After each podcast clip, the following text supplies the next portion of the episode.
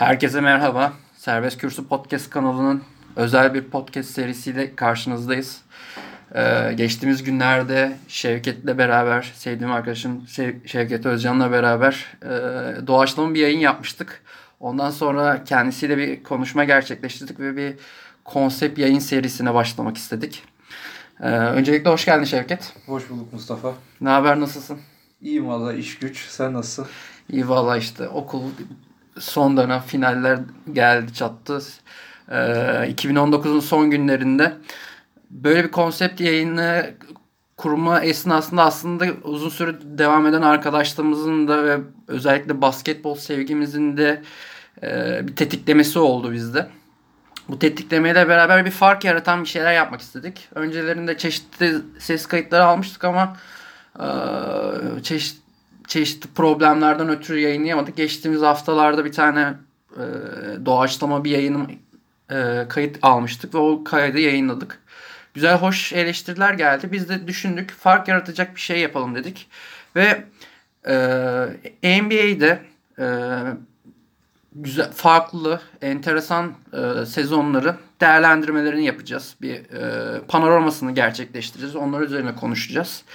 E, bu ilk programımızda da 90-91 sezonunu konuşacağız. E, Chicago Bulls'un e, Michael Jordan önderliğindeki ilk şampiyonluğu.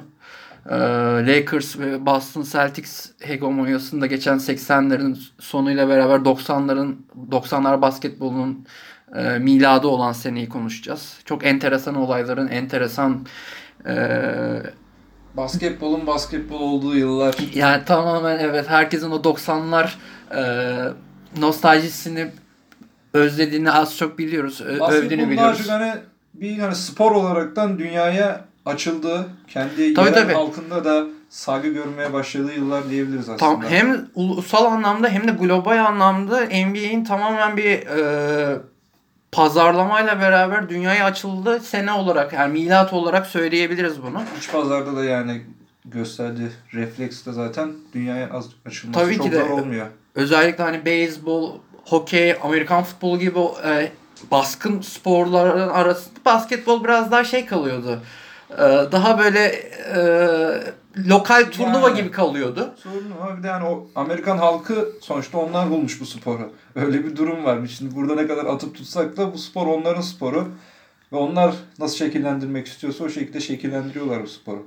Ya e, zaten hani şey gibi biraz da bu yani biraz kafamıza göre hareket ederiz çünkü bizim bizim sahip olduğumuz bir şeyden bahsettikleri için hani borumuz istediğimiz gibi öter şeklinde devam ediyor ama e, David Stern'ın çok önemli bir etkisi var aslında. Yani E, NBA komisyoneri olmasıyla beraber e, getirdiği yeniliklerle beraber 90-91 sezonu tam bir milat olarak söyleyebiliriz. Hem basketbol için hem NBA için e, çok önemli şeylerin e, başlangıç noktası olarak görebiliriz. ne almak istiyorsun ona da bağlı.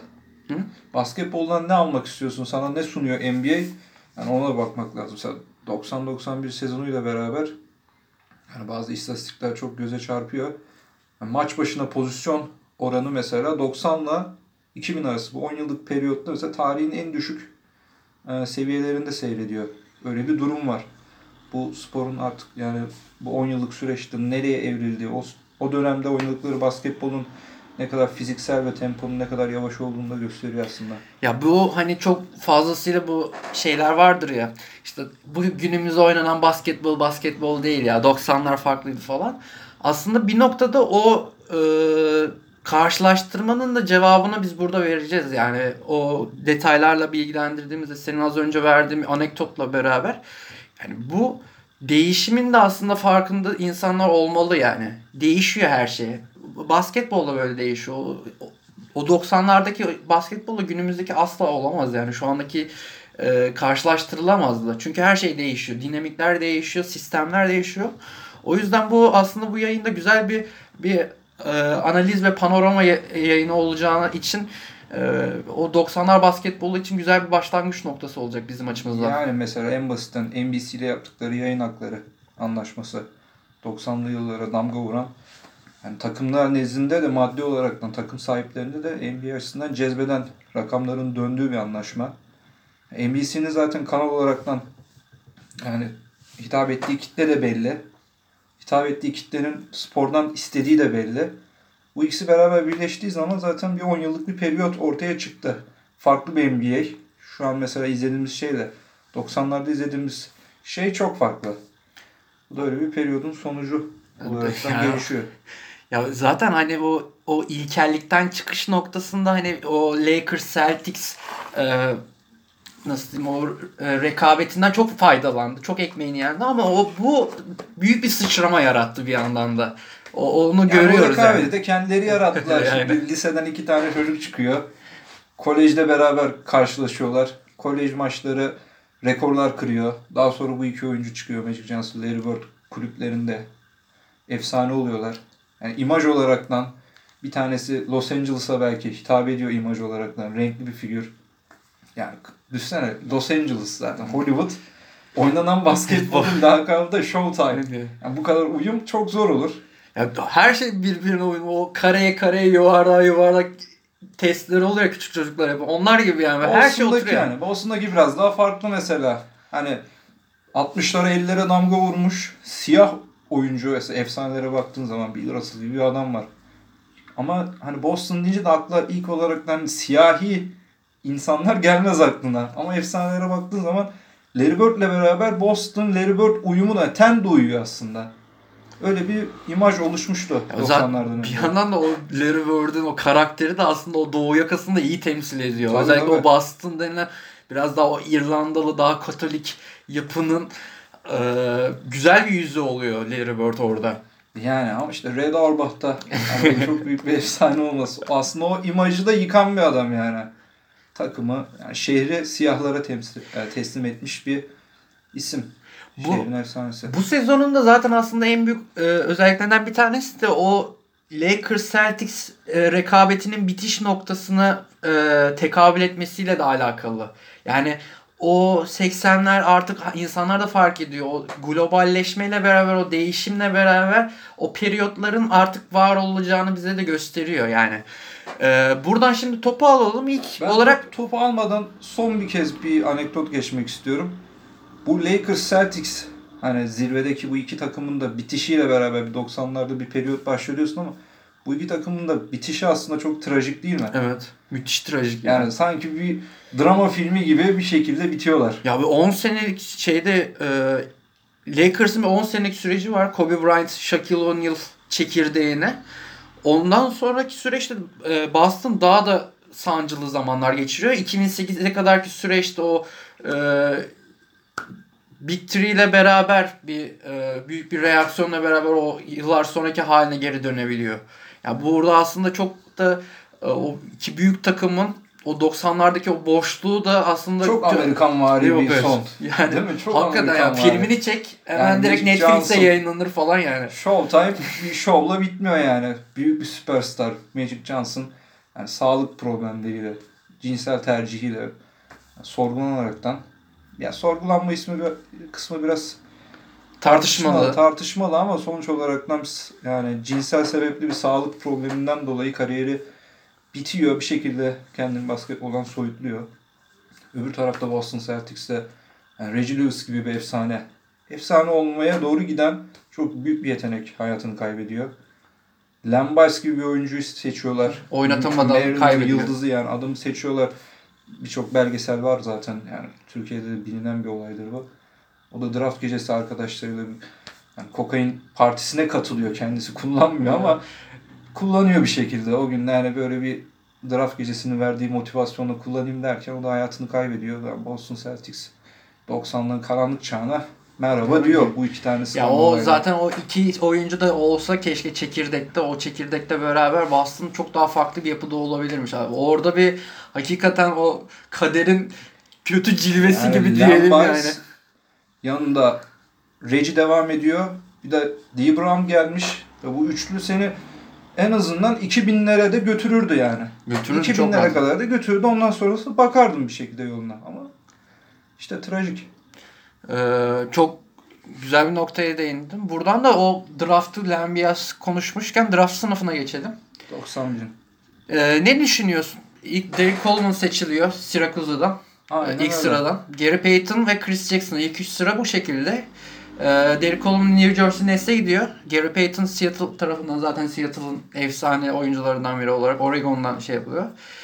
Ee, Chris Jackson da e, iyi bir oyun kurucu. Denver tarafından seçiliyor. Aslında Miami tarafından seçiliyor. e, Denver'a gidiyor. E, LSU'da oynuyor. E, bu Denver sırf- sence nasıl sözünü kesiyorum ama Chris Jackson için Denver bir çaylak için o sezon çok uyumlu mu? Ya aslında şeylerde de e, sezonun notlarında da detaylı konuşacağız da çok enteresan bir yıl geçiriyor Paul Whi- Whitehead Oraya- oraya- önderliğinde. Oraya da geleceğiz. Hani Chris Jackson deyince bir point guard ve o sezonki Denver'ı gerçekten izlemeye değer bir takım. Aynen çok enteresan bir oyun. Ya böyle hani şimdiki günümüzde Washington'ın oynadığı oyun gibi Washington çok genç potansiyel bir yetenek se- seçiyor drafttan düşünün. Öyle sürekli o, so- hücum oynayan bir takım. Onun 90'lar versiyonu gibi bir şey yani. Hani benzetmeyi yapıyoruz. Şu anki Washington'a benzer diyoruz ama hani şu anki Washington 91 Denver'ına basketbol konusunda ders verebilir. Çok rahat veriyor. Çok rahat. Çok belli noktalarda ders verebilir yani. Ya o işte o bazı genç şeyler oyuncular var işte Thomas Bryant'lar, Davis Bertans'tır, işte Bradley Beal falan onlarla beraber mahvederler de hani günümüzdeki oyun çok değiştiği için o Washington şey kalıyor biraz. Ee, bu draft sınıfıyla ilgili ne düşünüyorsun? Benim burada yani favori oyuncularım var. Gary Payton zaten yani çok sevdiğim bir oyuncudur. The Gary. Payton yani bilmeyen de yoktur.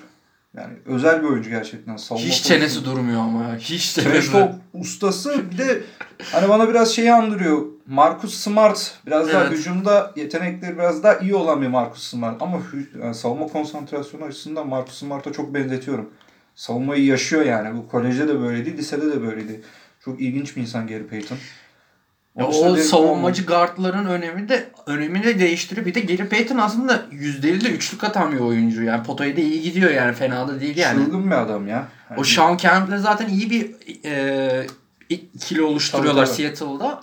Hani Jordan'a denk geldikleri için ama aslında iyi bir şey yapıyor Ya. Sean, Sean Kemp de zaten hani bir enerjisi deli dolu bir adamdır. Yanındaki arkadaşı da Peyton da deli dolu. O da hani akli dengesi pek yerinde değil. Sean Kemp'in de enerjisi hiç kontrol edemiyor kendisine. O iki tane oyuncu çok iyi bir şekilde yani öyle bir dönem yaşadılar Seattle'da. Ee, Çok özel bir takım ya Seattle. keşke geri dönseler değil mi ya? O şey ya yapmışlar keşke değil mi? yani bitiş dönemleri de bir tuhaf bittiler yani. Ya düşün Kevin Durant var ellerinde. Ama Russell yani gideceği de belli yani. Yani evet. Takım artık imaj bitmiş. Şehirde, şehrin de belki birazdan üniversite şehri, Evet. genç çocuklar falan yani çok fazla adapte olamadılar. Pek para harcayıp da salona gitmediler açıkçası. Durant vardı yani. Durant'ın olduğu bir takım doldurmalıydı yani. O şe- şehre bir şans verilmeliydi. Olmadı ama. Peki başka bir şey düşündüklerin Abi, var mı? Neler var? Hani çok bilinmez ama Derek Coleman yani müthiş bir oyuncuydu. Kolej zaten hani o dönemde bilirler arkadaşlar takip edenler. Yani ne kadar büyük star potansiyelin de olsa 4 sene kolejini bitireceksin. Ondan sonra NBA'ye adımını atacaksın. Bu yüzden hani birçok oyuncu NBA'de kariyer yapmış birçok oyuncu da aynı zamanda bulunduğu kolejde de Hall of Famer oluyor yakın yani yakın zamanda açıklanıyor bu tarz şeyler. Derek Coleman benim çok beğendiğim bir oyuncu yani. Çünkü mesela nasıl ta- e, tarif edebiliriz? Carl Anthony Towns'ı düşünün. Carl Anthony Towns'ın biraz daha kalıplı ve savunma yapabilenini düşün. Üçlük de atabiliyor bu Tabii arada. tabii müthiş bir adam. Yani böyle adamlar çok yani son dönemde çıkmıştı. 90'lar basketbolunun getirdiği şeyler bunlar. Yani alttan da bu tarz adamlar çıkıyor. Kamyonet gibiler. Ama ayaklar hızlı, iyi bitiriciler, sertler. Hani şey derler mesela Shaquille O'Neal oynadığı dönemde lige ilk adım attığından beri fiziksel olaraktan hegemonyasını herkese hissettirmişti. Öyle bir oyuncu hiç gelmedi derler. Shaq'ın fiziksel olaraktan hegemonyasını hissedecek ikinci bir oyuncu yoktur derler. Derek Coleman mesela kapışırdı Shaq'la. Hani eşleştiği maçlara baktığın zaman, maç hatlarına baktığın zaman çok sıkıntı yaşamaz fiziksel olaraktan. Çok özel oyuncuydu aslında. Ama kötü yapılara gitti değil mi? Biraz daha kötü o kendini parlatabilecek yapılarda olamadı yani. Öyle bir sıkıntısı oldu. Sakatlık problemleri de vardı. çok fazlaydı. Yani bir o adam- yaşa göre ve o hareketliliğe göre, mobiliteye göre. Yani o dönemin zaten starlarında bir kronik sakatlık durumları var. Mesela aklıma gelen kim var? Lionel Simmons var mesela. Sacramento tarafından seçilen bir oyuncudur. Ne derlerdi ona? L Train. Philadelphia efsanesi kendisi. Yani şehrin doğma büyüme Philadelphia'lı. Liseyi Philadelphia High School'da okumuş. Üniversiteye geçmiş. Los Alda okudu üniversiteyi de. Yani o tamamen bir Philadelphia efsanesi. 4 sene mezun olduktan sonra NBA'ye adım atıyor. Çok özel bir 3 numara aslında. Yani şutu var.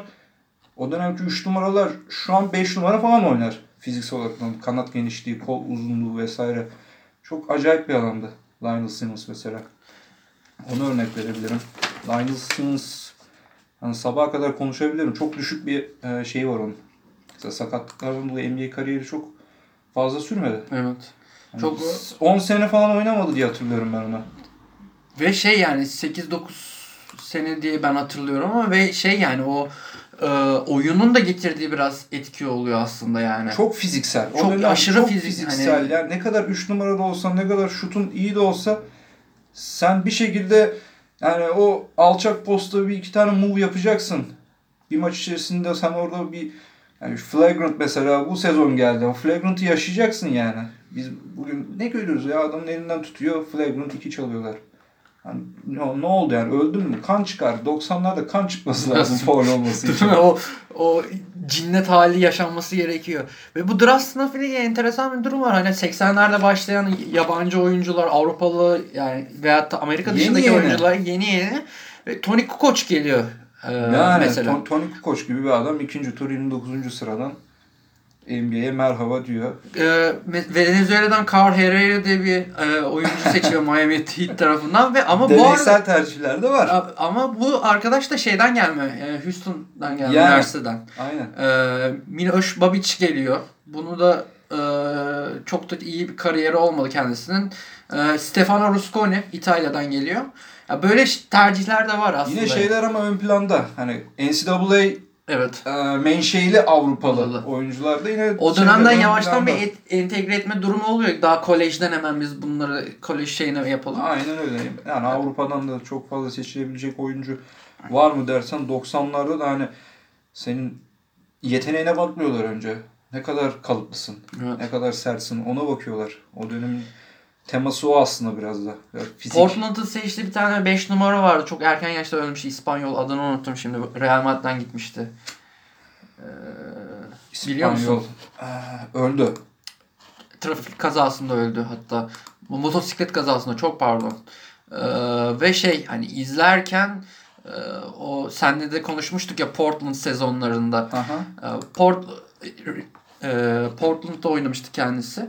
Ve hani bayağı şaşırttı beni aslında böyle ilk baktığım zaman. Şu anda e, aklıma gelmiyor ama Portland'ın da mesela o dönem şey yapıyor. Fernando Martin Fernando Martin. e, 89'da vefat ediyor kendisi bir motosiklet kazasında. Real Madrid'in ikon ismi ve ilk seçilenlerden Doğru. Avrupalılardan. Bu ön, öncülük ediyordu. Zaten sonrasında Sabonis de seçiliyor ama o, o siyasi iklimden dolayı, o gerilimlerden dolayı da göndermiyorlar. Çok prime döneminde gelse korkunç bir hale gelebilecek o sakatlanmamış halde. Ee, Ya şöyle böyle se- var. seçimler var. Araya gireceğim de hani mesela son dönemde biz mesela hani kaç 15 senedir falan böyle çok net bir şekilde yaşımız itibariyle 15 yani 20'yi bulmaz net takip ettiğimiz sezonlar. Hani düşüşe geçmiş, bitmiş ve hani ölmüş oyuncuların sayısında bir şey var. Düşüş var sanki. Bir şekilde oyuncular yani yolunu bulabiliyor bu dönemde. Tabii tabii. Yani şey yapıyor. En kötü bu sezon mesela Euroleague ile üzerine konuşuyoruz ya.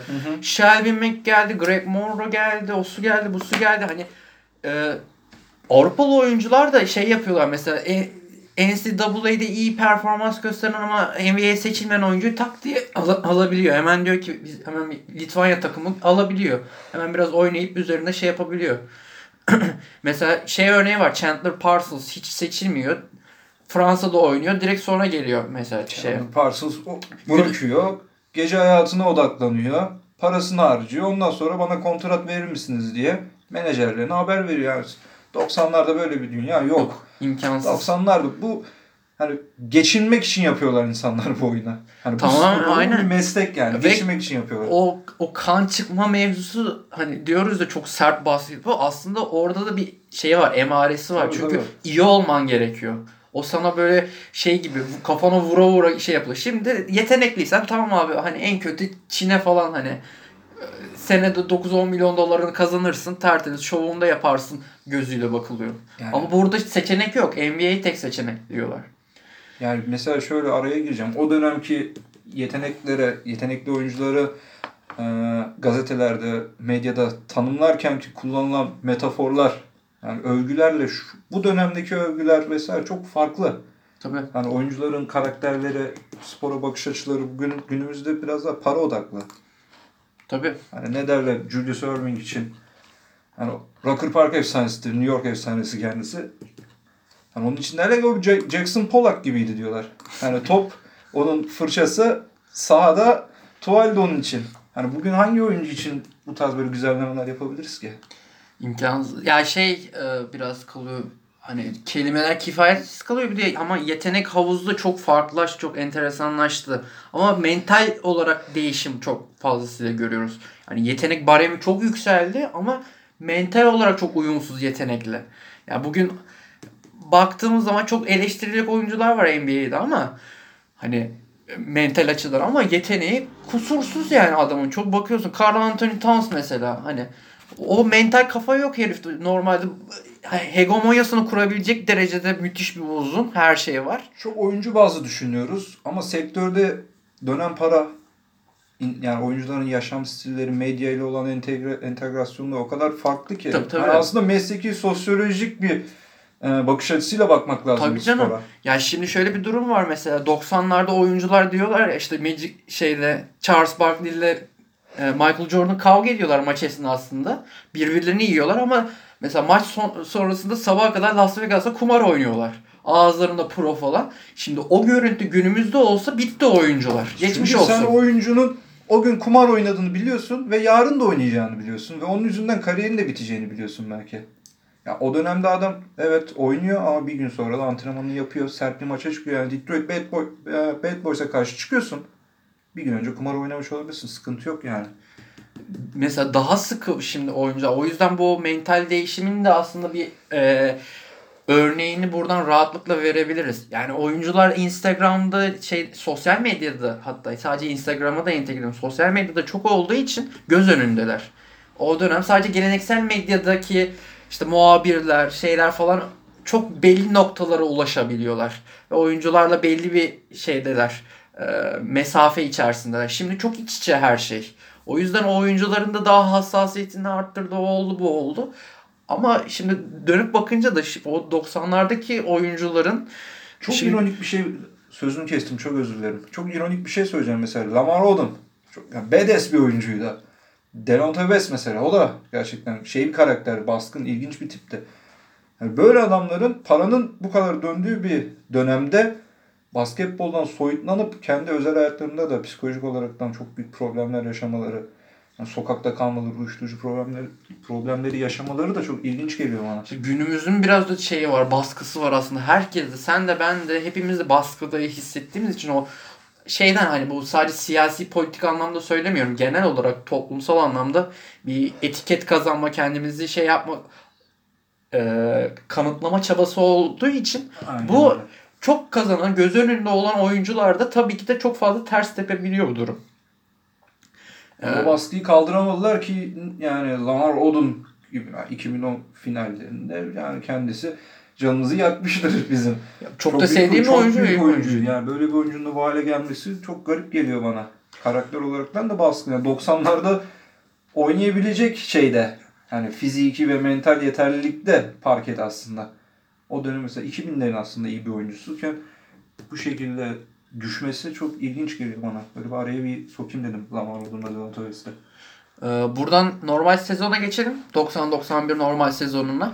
Ee, normal sezonda beklendiği gibi e, konferanslarda e, Chicago Doğu Konferansı'nı, Portland'da Batı Konferansı'nı birinci sırada bitiriyor. Chicago 61 galibiyet, 21 mağlubiyet. Portland ise 63 galibiyet, 19 mağlubiyetle bitiriyor ve o sezon Portland epey iyi bir e, Batı'da iyi bir hegemonya sürüyor. Çok iyi bir kadrosu var. Clyde Drexler önderliğinde. Portland'da manyak var. Yani, Yani- Clyde Drexler yani o dönem iki numaralar ve 2-3 oynayabilen oyuncular hani ne kadar atletizm yani mesela Air Jordan'dır değil mi? Evet. Jordan, la, Jordan gibi bir adamın lakabı aslında yüksek atletizmden dolayı Air Jordan. Clyde Drexler çok üst düzey bir atlette. Onun kadar hızlı bir oyuncu ben gördüm. Yani şöyle düşünüyorum günümüzde mesela Jalen Brown mesela sürat konusunda o dikey olaraktan sıçrama. John Wall'un sağlıklı Aynen öyle. gibi. Sağlıklı bir John Wall. Mesela bu- bugün mesela Jalen Brown'u ben çok benzetirim Clyde Drexler'a. Olmuş hali mesela Drexler olabilir onun. Drexler'ın yarattığı ivme aslında Portland'a 63 galibiyeti getirdi. Yakaladıkları uyum. O dönem zaten biliyorsun. Kim fast break'e kendini daha adapte edebilirse bir şekilde sıyrılabiliyordu. O 80'lerden gelen, o Lakers'tan gelen bir şey var. Ne derler? Etki var. Bir rüzgar var aslında. Fast break rüzgarı var. Portland'da mesela o fast break'leri yönlendirebilen oyuncularıyla Oyuncular. beraber bir şeyler yapabildiler. Yani Rick Rick Edelman'ın biraz geleneksel bir o- hocadır. Hani az önce de seninle de konuşuyorduk. Drazen Petrovic'i doğru düzgün oynatmamıştı mesela. Buna rağmen o fast break oyununda çok iyi oynuyorlar mesela. O işte Terry Porter'lar, Jeremy Dorsey'ler, Rick e, Buck Williams, e, Kevin, Kevin Duckworth yani falan. Ainge de şeydir, delidir yani. Yani. Deli doldur. Topu verirsin ona hızlandırır oyunu. İyi bir oyuncudur. O konuda hani sıkıntı yarı yolda bırakmaz yani. O da öyle bir oyuncudur. Yani güzel bir şey iğme yakalamışlar. İyi bir kadro şey yapmışlar. noktaya geleceğim ya. Drazen Petrovic'in zaten işte ilk NBA dönemi yani ne kadar yetenekli olursan ol bir Avrupalısın. Evet. Dil sıkıntın var. Kültür problemin var. Yugoslavsın yani aslında. Bir kasabadan çıkmış bir adamsın.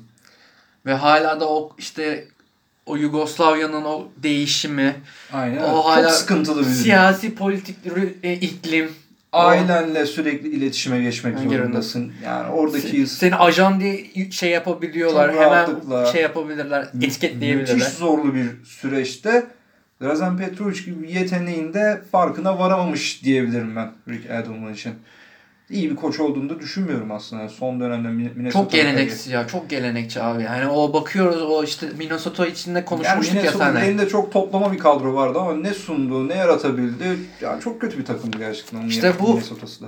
Ee, birazdan da şeye de geleceğiz işte mesela Petrali ile konuşuyoruz. Petrali mesela 2006 e, Miami şampiyonluğunda mesela çok toplama bir ka- kadro vardı elinde ama onlardan iyi bir yemek çıkardı. Rick Edelman'ın da vardı yapamadı mesela. İyi bir koç olmadığını da zaten buradan görüyoruz. Bu kadroyu da hani çok daha iyi oynatabilecekken hani e, yani belki de finalde görebilecek bir kadroyken işte böyle şanssızlıklarına Lakers'a şey yapıyorlar e, Batı Konferans finalinde ama çok iyi bir çok işte eğlenceli bir kadro ve güzel bir Yapıyor şey yapıyorlar. dediğim gibi o biraz hani 90'lar sen ne kadar normal sezonda domine etsen de belli şeyleri yapıp fark yaratsan 90'larda artık iş yani Mayıs ayına doğru geldiğiniz zaman bilek, bilek güreşine bakıyor biraz da. Aynen. Hatta normal güreşe kadar varıyor eğer rakip Detroit falansa. Ee, peki şey diyeceğim buradan e, Doğu birincisi Chicago'yu mu konuşalım yoksa Batı'dan mı devam edelim istersin? Batı'da aklına gelen bir şey varsa ya gerçi birinci konferans birincilerini konuşuyoruz. Ee, hemen Chicago'ya Yani o- girelim oradan. Zaten hani konuşmaya gerek yok. Müthiş bir kadro. Yani e, Michael Jordan, Scottie Pippen, sonrasında Horace Grant, Bill Cartwright, John Jordan, Paxson. Jordan bu sezon sayı kralı olmuş muydu? Evet. Öyle hatırlıyorum. Evet sayı kralı Değil mi? oldu. Jordan sayı kralı oldu ve 31.5 ortalamaya M- aldı. MVP de olamadığı sezon. yani Jordan gibi bir oyuncunun MVP olamadığı bir sezon. Yani NBA'ye pahalıya mal oldu demeyeceğim de MVP olan arkadaşa pahalıya mal oldu diyebiliriz. Yani Jordan'ın yapısı artık da- normal sezonda MVP oldu Jordan zaten pardon. Öyle mi? Evet. Ben yani unutmuşum. yani şey eee, bu kadar şeye geçen se- önceki Bir sezon önceki sezon, zaman özür dilerim. Bir önceki sezon. Ee, bir önceki sezon olmuş. O Michael Jordan aslında bu sezon artık bütün o senelerin birikimi olan böyle öfkeyle kusuyor yani, Yani resmen performansıyla. Yayını geç almamızın He? getirdiği. Geç saatlerde alıyoruz yayını sevgili dinleyenler. Uykusuzluk falan. Biraz şey olabilir. Ama şey hakikaten yani baktığımız zaman Jordan'ın o hani 27 yaşında şampiyonluğu görüyor ve hani baktığımız zaman hani müthiş potansiyel, müthiş şey damga vuracak Gayet falan. de ama genç bir çekirdek var zaten. Çekirdek de genç yani. ve şey hani Scottie Pippen 25 yaşında ya. Yani Şey ya aslında müthiş bir sezon. Müthiş bir yapı var ortada. En yaşlısı bir Cartwright 33 yaşında. Yani müthiş bir yapı var orada artık. Ya o Phil Jackson da o e, üç, üçgeni kuruyor orada ve Üçgen artık makina düzenine geçiyor. Yani üçgen hücum artık orada şey yani seni sonsuz başarıya doğru götürecek. Burada Bug'ı bulmuşlardı artık. burada şöyle bir şey diyeyim mi? Aslında Phil Jackson orada ilk emaresini veriyor değil mi? 3 oyuncu, önemli oyuncu. Burada da Scottie Pippen, Michael Jordan, Scottie Pippen, Horace Grant üzerinden aslında günümüzde de hani 3 önemli oyuncunun olması gerekiyor ve bir sistemin düzenli bir sistemin makine gibi işlemesi gerekiyor ki şampiyonluk gelsin diyorsun. Şöyle diyebilirim aslında abi. Chuck Daly'nin o dönemki yani Bad Boys Detroit'te yaptığı savunma kurgusu seni aslında zaten üçgen hücuma götürüyor. Ama üçgen hücumda da zaten bir başarı elde etmez. Ne yapıyorlar abi? Yani Jordan'a geldi top. Üçgen hücumun makine düzenine oturmamış halini söylüyorum. Jordan'a geldi top. Yani Sağ kanatta mesela şeyde çizginin orada aldı al- yüksek post oyunu yapacak. Bütün pas açı- e, pas kanallarını kapatıyorlar. Yani zaten şey geliyor double team geliyor. O geldikten sonra attığı oyuncuya da getiriyorlar işin garibi. Yani Jordan rules diyorlar ya Jordan'a hep sert fauller falan. Zaten bu biraz da şeydir. Ee, Jordan'a gelen double teamlerin sonucunda olan bir kural bu. Yani Jordan'a gelen e, double teamler sonucunda bir şekilde zaten oyunun da rakibinin de bunu ekarte etmesi gerekiyor. Yani bunu biraz da başardı aslında Chicago. Ya o orada da Phil Jackson'ın da hakkını vermemiz gerekiyor. Yani bu sistemi oturtması ve hani e, düzenin içerisinde işlemesi bu çünkü çok fiziki oyun. Birazdan da detaylı bahsedeceğiz. Fiziki oyunun aslında e, o sistem üzerinde hani sadece işte Jordan'a topu veriyorlar. Scottie Pippen şunu yapıyor falan gibi değil yani. Bir düzenli biçimde işliyor ve e, hani karşılığında görüyorlar ve şampiyon oluyorlar. Çok önemli bir aslında burada e, Chicago'ya daha da detaylı değineceğiz. Özellikle final ve final sonrasındaki süreçte. E, burada çok e, fazlasıyla hakkını vermemiz gerekiyor. Yani Phil Jackson'ın aslında ilk emaresini veriyor burada. Hani şampiyonluğa giden yol, modern basketbolda şampiyonluğa giden yoldaki e, gereklilikleri burada çok güzel bize e, yansıtıyor, izletiyor yani. E, Ya hep etki tepki zaten basketbolla, e, NBA'de genelde yani. Birileri iyi bir sistem kurgular, hegemonyasını yaratır. Diğer taraf hemen antitezi oluşturmaya çalışır. Yani double team üzerinden Jordan'ı tamamen Jordan sayı atsın, diğerleri atmasa da olur mantığı veya Jordan topu kullanırken de ona maksimum fiziksel e, deformasyonu yaratalım. Mantığı zaten seni üçgen hücum, paylaşımlı, tamamen ekstra pasa dayalı ve pası veren oyuncunun sürekli kat ettiği bir sisteme doğru evrilmek zorunda seni. Bu o da işte o dönemin buglarından biri diyebiliriz. Ee, buradan da Lakers'a geçelim. Finalist ve 80'leri damgasını vurmuş kadro. Geçelim abi. Ee, La- Lakers'ta e, Lakers'ın aslında değişimi şeyle başlıyor. Petrali ile e, Petrali'nin a- ayrılması bir önceki sezon Phoenix'e yeniliyorlar. E, Phoenix'te de e, Phoenix'e elendikten sonraki süreçte e, Petrali ile ayrılma kararı alıyorlar ve çok aslında skandal bir karar ve hani Yani. Lakers'ın sonunu hazırlıyor e, bu durum. Mike Dunleavy geçiyor takımın başına. E, Mike Dunleavy'den e, beraber takım e, aslında normal sezonda 3. sırada bitiriyor. 58 galibiyet, 24 mağlubiyetle.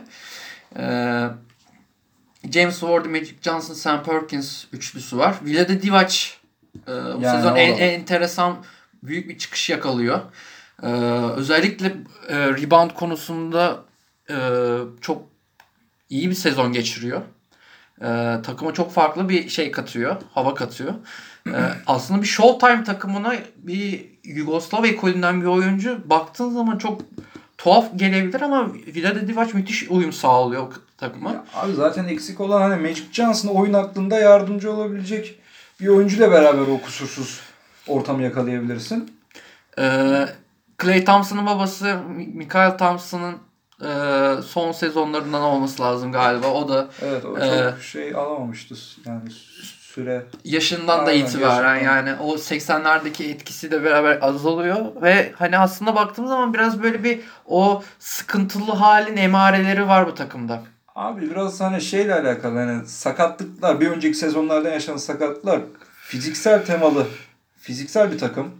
Hani koş koş oyunuyla zaten fast break'le bir yerlere gelebilmiş bir takımı en çok zaten e, sıkıntıya sokacak durumda sakatlıklar sonrası oyuncuların eski e, form düzeylerine gelememesi. Bir açıklayabilirim ben hani Lakers'ın Pat Riley'nin takımdan ayrılması, takımdan Dunleavy'ye bırakılması.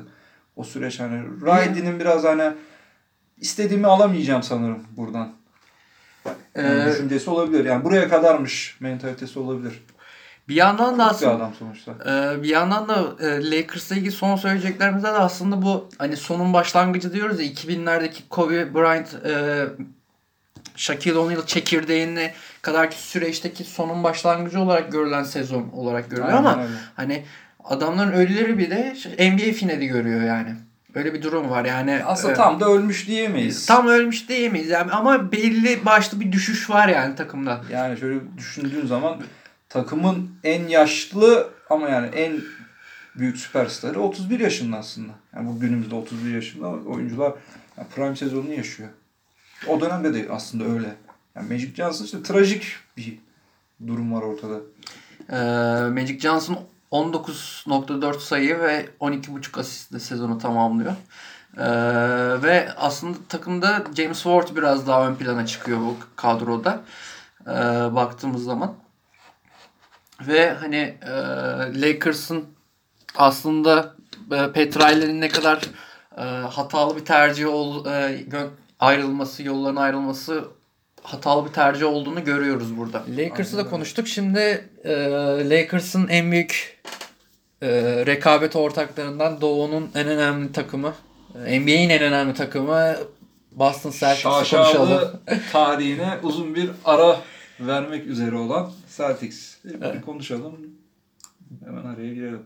E, Chris Ford koç 56'ya 26 yapıyorlar. E, Doğu'da ikinci oluyorlar. E, tabii ki Larry Bird takımın en önemli şeyi. Fakat 34 yaşında. Reggie Lewis, Brian Shaw, Kevin Gamble, Kevin McHale, Robert Parrish en önemli oyuncular takımın. Ya, takımda şöyle bir durum var zaten. Babalar ortada. Yani Larry Bird'ün önderliğinde yine. Gerçi 20 sayının altına düştüğü sezonlardan biri.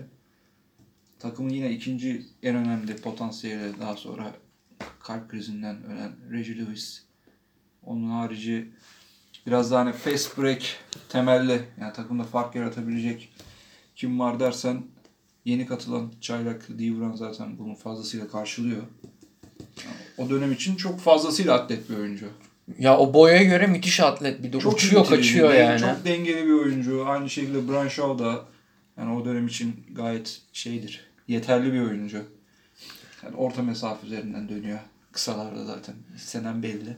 Spacing yaratma açısından işte hani Brian Shaw çok fazla değil de Devran bulduğu sürelerde oyuna enerji getirme, rakip uzunları faul problemine sokma, rakibin savunmasının dengesini bozma gibi farklılıklar yaratıyordu. Takıma biraz daha mobilite getiren isimler daha çok hani Brian Shaw'la Dee Brown'un etkisi daha fazla diyebiliriz sezonda Celtics'e fark yaratan isimler onlar diyebiliriz. Diğerleri zaten hani bir 10 yıllık periyodu var takımda geçmişte başarılar. Ama takımın şöyle bir sıkıntısı var galiba gördüğüm kadarıyla.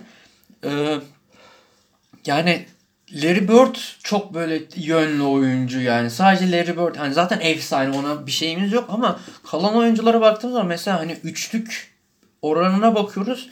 Hani Larry Bird dü- düzenli atıyor. Zaten o kendine has üstün diğerleri çok kötü mesela seviyede. Bu takıma mesela ekstra katkı sağlama açısından hani o dönemki basketbolu düşünürsek çok Ya katkı 80'ler sağlamıyor. için yeterli. 80'ler Yani hiç- parçadan çekersin reboundu, koşturursun. Ya bunda Larry Bird gibi bir hani 4 numara oynatabildiğin bir oyuncu bunu yapınca da zaten süperstar etkisi yaratıyor sende. Yani zaten o geçiş süreciyle alakalı. Yani üçlük oyuncu, üçlük yeteneği olan kanat oyuncuları, bir numaralar, iki numaralar henüz tam entegre edemedikleri dönem diyebiliriz. Zaten yani Reggie Lewis de takımın en önemli yıldızı aslında Larry Bird'den ziyade. Ama Evet. oyun kurucu gibi düşünebilirsin. Şu Evet, anda hani kim var? Yani mesela Antetokounmpo'nun tepede oyun kurma ritüellerini biliyoruz. Evet. Spacing'e zarar veriyor aslında üçlü olmadığı için. Yani Larry Bird'de öyle bir sıkıntı yaşamıyordun sen. Hani, e, akıllı adamdı zaten. Biliyordu oyunu zaten. Hani alçak, şey yapıyor. alçak posttan oyun kurmana sana imkan tanıyor. Ona göre katlar var zaten. Kat Ta- ettin, mi? takımın setleri de ona göre. Yani Larry Bird üzerinden dönüyor aslında ama skor açısından yine yani Reggie Lewis Shaw'un şutları, şutları üzerinden dönüyordu Celtics o dönemde. Yine savunması vesaire olabildiğince sert sertlik getirmeye çalışıyordu. Sonra Robert Parrish de zaten hani yaşlandı son dönemlerde. 37 yaşında yani o, Yani. o sezon yani. Yani 10 yıllık bir periyoda zaten damga vurmuş savunmasıyla, içerideki bitiriciyle artık onların da yavaş yavaş sahneden çekildiği e, dönemler, parkedeki etkisinin, agresifliğinin azaldığı dönemler olduğundan dolayı yani Celtics de zaten sezon sonunda bu yüzden belki de başarıya ulaşamıyor. O yeterli sertliği elde edemiyorlar. Öyle diyebilirim yani Celtics için. Ya sertlik demişken de zaten sezonun belki de dönemin son yılların ne kadar açıklayacağım bilmiyorum en sert takım da Detroit. Yani.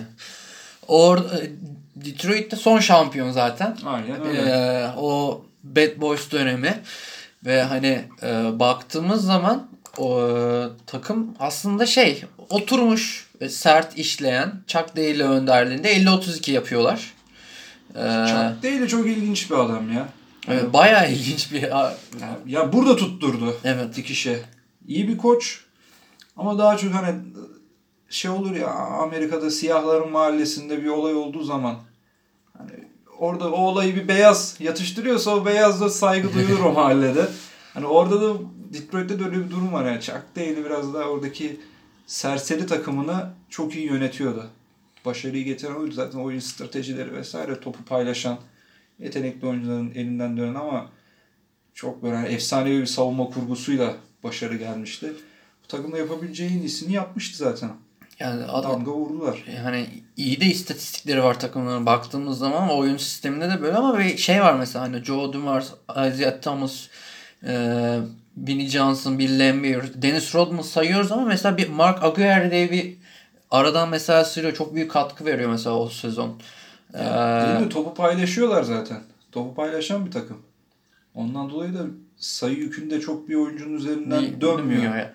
O çok da iyi bir şey aslında yani bir noktada. Yani 29 yaşında Isaiah Thomas yani 20 sayı ortalamayı görmedi diye hatırlıyorum o sezon. Gerçekten de öyle. 16.2 ile tamamlamış ama asist 9.3 mesela. Takımın mesela Joe Dumars mesela 5.5 asist yapmış. Enteresan. Vinnie Johnson 3.3. Önemli rakamlar bunlar çünkü yani. Sanki biraz daha şeye benzetiyorum. Yani bu 2011 civarı Chicago ama sanki şut problemi yaşamayan Yani Chicago. Chicago. yani. Hani 2 numaradan 3 numaralardan katkı alabiliyor kanatlarda. Daha verimli 2-3'lerin olduğu bir Chicago düşün. O kurguyu düşün. 4-5 biraz daha böyle. Ya Carlos Boozer da elinden geldiğince sertliği yaratıyordu aslında ama o Chicago'ya benzeyen bir şey vardı. Bir aile yapısı vardı orada. Deli- yarattığı bir sistem çok başarılı kurgulanmış bir strateji. Dennis Rodman'ı görüyoruz tabii ki rebound kralı olarak kendisini. O sezonda s- 91'de sanırım şeydi. Yılın savunmacısı, savunmacısı olmuştu. Dennis Rodman'da. Evet. E, yılın savunmacısı oldu ve hani e, All Defensive takımında yer aldı. Aynen. Jordan, Alvin Robertson, David Robinson ve Buck Williams'la beraber e, kendini de göstermeye başladı. Çok iyi bir kadro Yani jenerasyon. hapishane kaçkını gibi bir takım Detroit Pistons. Chuck Daly de çok yani işini severek yapan bir gardiyan diyebilirim ben. Tam şey değil miydi ya? Biz hani senle e, burada da bir anekdottan bahsedeyim. Hani senle e, 2004 olimpiyat finalini izliyorduk ya. E, Arja, pardon yarı final Arjantin Amerika. Amerikalı oyuncuların o işte e, Allen Iverson falan var kadroda. Carmelo Anthony falan. Giyin kuşamları tam am- hapishane kaçkıda gibi Greg Popovich var falan. Şeyde, enteresan bir yapıyor. Tam onlara benziyorlar aslında. yani. Onları mı yönetmek daha zor, bunları mı yönetmek daha zor bilmiyorum. Şimdi orada biraz daha olimpiyat ama Amerikan milli takımın menşei altında. Ya bir de çok yetenek, aşırı yetenekli olduğu için sallamadıkları Ya onları de yönetmek de çok zor. zor. Ama bunları da bu hani delişmenleri kontrol etmek hani bir kompanse etmek Aynen. de zor mesela. Ya en azından üst düzey yetenekli oyuncular. Şimdi Joe Dumars müthiş bir adamdı. Yani Tam bir de 27 yaş prime döneminde bu oyuncularda yani baktığımız zaman. Zor karakterler ve gerçekten de şeyler bir aile ortamı yaratıldı. Ama o flagrant foul, e, sportmandaki dışı foul onları bitirdi yani bu sezon diyebiliriz değil mi? O belki de Hani şey Jordan'ı durdurmadıkları. hani çıktısını alsın ama kim alsın biliyor musun? Hani gitsin emeği bilen bir. desin ki hani bu kuralla alakalı resmi bir yazı alabilir miyim desin. Onu bir mezarlığa gömsün. Hani her sene bir şey okusun yani. Kur'an mı okusun artık ne yapsın bir şeyler yapsın bilen bir. En çok üzülmüştür o Kur'an. Yani. Detroit'te çok hasta karakterler vardı. Foul yapmaktan keyif alan. Ya müthiş ze- Sert. şey yapıyorlardı ya. Hani hakikaten korkunç şeyler görüyorduk yani böyle insanlık dışı. Yani Ee, Isaiah Thomas'ın hatırlıyorum şu an tam olaraktan. Ee, O boyda yani millete kafa tutuyorduk şey Carmelo'na falan yani. Yani Isaiah Thomas'ın yardımcı koçta mesela hangi maçta olduğunu tam olarak hatırlamıyorum. Yaptığı faulden sonra, teknik faulden sonra yardımcı koçun boğazını sarılıyor. Boğazını sıkıyor ama normalde bir izleyici olaraktan çok korkunç bir tepki verirsin. Ne yapıyor bu adam yani? Birdenbire gidiyor kenara ve kendi yardımcı koçun boğazını sıkıyor. Yüzüne bakıyor, ters bir şeyler söylüyor. Ama yardımcı koç tamamen bekliyor yani ondan öyle bir hareket. Böyle bir takım. Yani Deliler Hastanesi'nden bir takım kurmuşsun ve onları yönetmeye çalışıyorsun. Aslında müthiş bir başarı örneği ya. Yani o takım elinden geldiğince damga vurdu zaten. Ee, buradan da son değineceğimiz Doğu Konferansı'nda takım biraz potpourri şeklinde ilerliyoruz Doğu Konferansı'nda. Philadelphia. Aslında biraz da burada şeyden bahsetmek istedim ben. Hani o Charles Barkley herkes tanır şey yapar. O o dönemki Philadelphia'nın ta- Philadelphia olmazsa olmazı yani. O bahsetmeden olmaz. Charles Barkley önderliğinde ve Charles Barkley'nin de çok prime bir sezonuyla. Charles Barkley sezonu Evet direkt yani. olarak da. Ee, Jimmy Lin- 44-38 yaptırdığı ve hani Doğu Konferansı'nı 5. bitirdikleri şeyde. Ee, Hersey Hawkins, Johnny Dawkins, Arman Gilliam. Anderson. Ricky Green. Yani şey adamlar zaten. Ve- veteran veteranlarla gençlerin beraber güzel harmanlandığı bir takım. Ama Charles Barkley üzerinden dönüyor her şey bu Ya. takımda. Bütün setler onun üzerinden dönüyor. Ve yani günümüzden benzetebileceğimiz aslında az önce Antetokounmpo benzetmesini dezavantajlı yönüyle e, ele aldık ama avantajlı yönüyle bakarsak hani Ben Simmons, çaylak sezonu Ben Simmons'la Prime Antetokounmpo arası bir yerde. Charles Charles, Charles Barkley evet. Ve bir de aslında şöyle bir düşündüğüm şey var. Ya fiziksel olaraktan tabii Antetokounmpo olamaz kimse. Tabii. Fiziksel olaraktan da kime benziyor? Griffin'in ani sıçraması vardır ya. Evet. Bir anda dikey sıçrar. Herkes yani o rakip savunmacı da sıçramak istiyor ama o düşünme aşamasındayken zaten Griffin havada oluyor genelde. ilk sezonlarında. Barkley de öyle bir adamdı. Atletizm çok iyi yani. Ve Çok ama şöyle yani. bir şey diyebilir miyiz aslında Charles Barkley için? Hani hep şey der 3-4 numara oynuyor boya göre. 1.98 mi ne boyu. Evet. Evet. 1.98. Ama aslında o şeyi de kırıyor. Yani böyle o pozisyonculuğu hani günümüzde artık pozisyonsuzluk önem arz ediyor ya her oyuncu yani değişiyor. Sadece bir pivot bir de top yönlendirici haricinde fark etmiyor artık herhangi bir şey. Yani mesela geçtiğimiz günlerde şey izliyorum. Brooklyn'i izliyorum. Canan Musa var mesela Boston'da çok hani bekliyorum onlardan bir şey. Enteresan bir oyuncu. 2.06 boyu var ama 2 numara oynatıyorlar mesela. Hani diyorsun ne alaka falan ama Musa'ya baktığın zaman hiç 2-0-6 der misin? demem. Değil mi? Evet. Yani çocuk- 2-0-1. Ya Maksimum 2-0 2-0-1 falan. İşte bunda da Barkley'de de şöyle bir durum var. Baktığın zaman bu 2-0-6 dersin. Evet. Sağdaki duruşuyla. Fiziki şeyi yaratıyor mesela. Hani o boy avantajını fizikte ve atletizmle kapatıyor mesela. O pozisyonsuzluğu aslında bence doğru. Hani o top onun üzerinden dönmesi şey yapması. Hani o şey bariyeri kırıyor aslında bir noktada. Günümüzde çok bahsediyor ya klişe işte o pozisyonsuzluk. Aslında bence Charles Barkley onun ilk prototipi, ilk yani örneği. günüm- günümüzde fiziksel e, avantajı fiziksel avantaj aslında avantaj değil şu anda. Evet. Zaten alttan gelen Dezavantaj. oyuncular yani alttan gelen oyuncular belli bir yani yeni jenerasyon belli bir standartı yakaladı fiziksel açıdan. Ama o dönemde Atletizm önemli değil mi şu anda yani? Yani. O, hani, o dönem fiziksel avantaj önemli. Atletizm varsa müthişsin. var zaten bunda da yani fiziksel olaraktan güçlü, atletizm olaraktan güçlü bir de üstüne yetenek de olunca ya istediğin kadar undersize ol. Pozisyonunun tam olarak belli olması hiç problem değil. Her şeyi oynayabilirsin o dönemde. O, Dönemin zaten en büyük sıkıntısı fizik ve atletizm. Belli Evet. konularda. Ha, belli pozisyonlarda çok büyük e, kıtlık var o dönemde. İyi, iyi bir kadro aslında. Manu Tebol da var o kadroda. Aynen. Ama işte e, konferans yarı finalinde Chicago Bulls 4-1 yenip onlara şey yapıyor.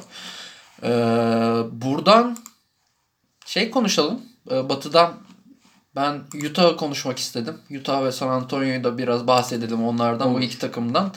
Ondan sonra şeye geçeriz. E, playoff'lara geçeriz. Tamam. Ee, Utah'la aslında hani ben söylemek istememin sebebi tamamen hani Stockton Malone ikilisinin e, yani onların da John Stockton 28 yaşında, Karl Malone 27 yaşında oldukları bir sezon. 90'lar deyince akla gelen... Jerry Sloan hani Yani. tam oturmuş sistem, yılların sistemi. Ee, onu konuşmak istedim aslında. Ee, 90'lar 54-28 basketbol. yapıyorlar. İyi bir şey yapıyorlar yani seri yakıyorlar. Batı konferansına göre yani o önemli takımlar arasında iyi bir şey yakalıyorlar. Seri yakalıyorlar. Abi çok üst düzey bir bitirici. Zaten 90'lar basketbolu yani Jerry Sloan'un da o dönemki basketboluyla uyuyor. Yani iyi bir ritim yakaladılar. Carmelo'nun üst düzey bir skorer. Tam onun şeyleri yani onun dönemi. Fizikli ya kamyonet gibi bir adam ama yani Kuğu Gölü golesi yapar gibi içeride çok rahat bir şekilde bitiriyor. Onun üzerinden dönüyordu zaten Utah. Ee, ya zaten John Stockton tamamen şeyi menşeli kontrollü. Yani şey gibi Stockton Stockton. mü- müthiş bir adam ya. John Stockton. Ya- Yani şey beyaz, ince, ufak tefek falan gözüküyor ama oyun aklı çok yüksek. Yine dediğim gibi o 80'lerden kalan e, 80'lerin 90'lara biraz daha hani neden hediyesi denecek olan fast break basketbolunun da fark yaratan ismi zaten. Yani hızlı hücumu yönlendirmesi biraz da John Stockton'ın hızlı, hızlı hücumu çok iyi yönlendirmesi.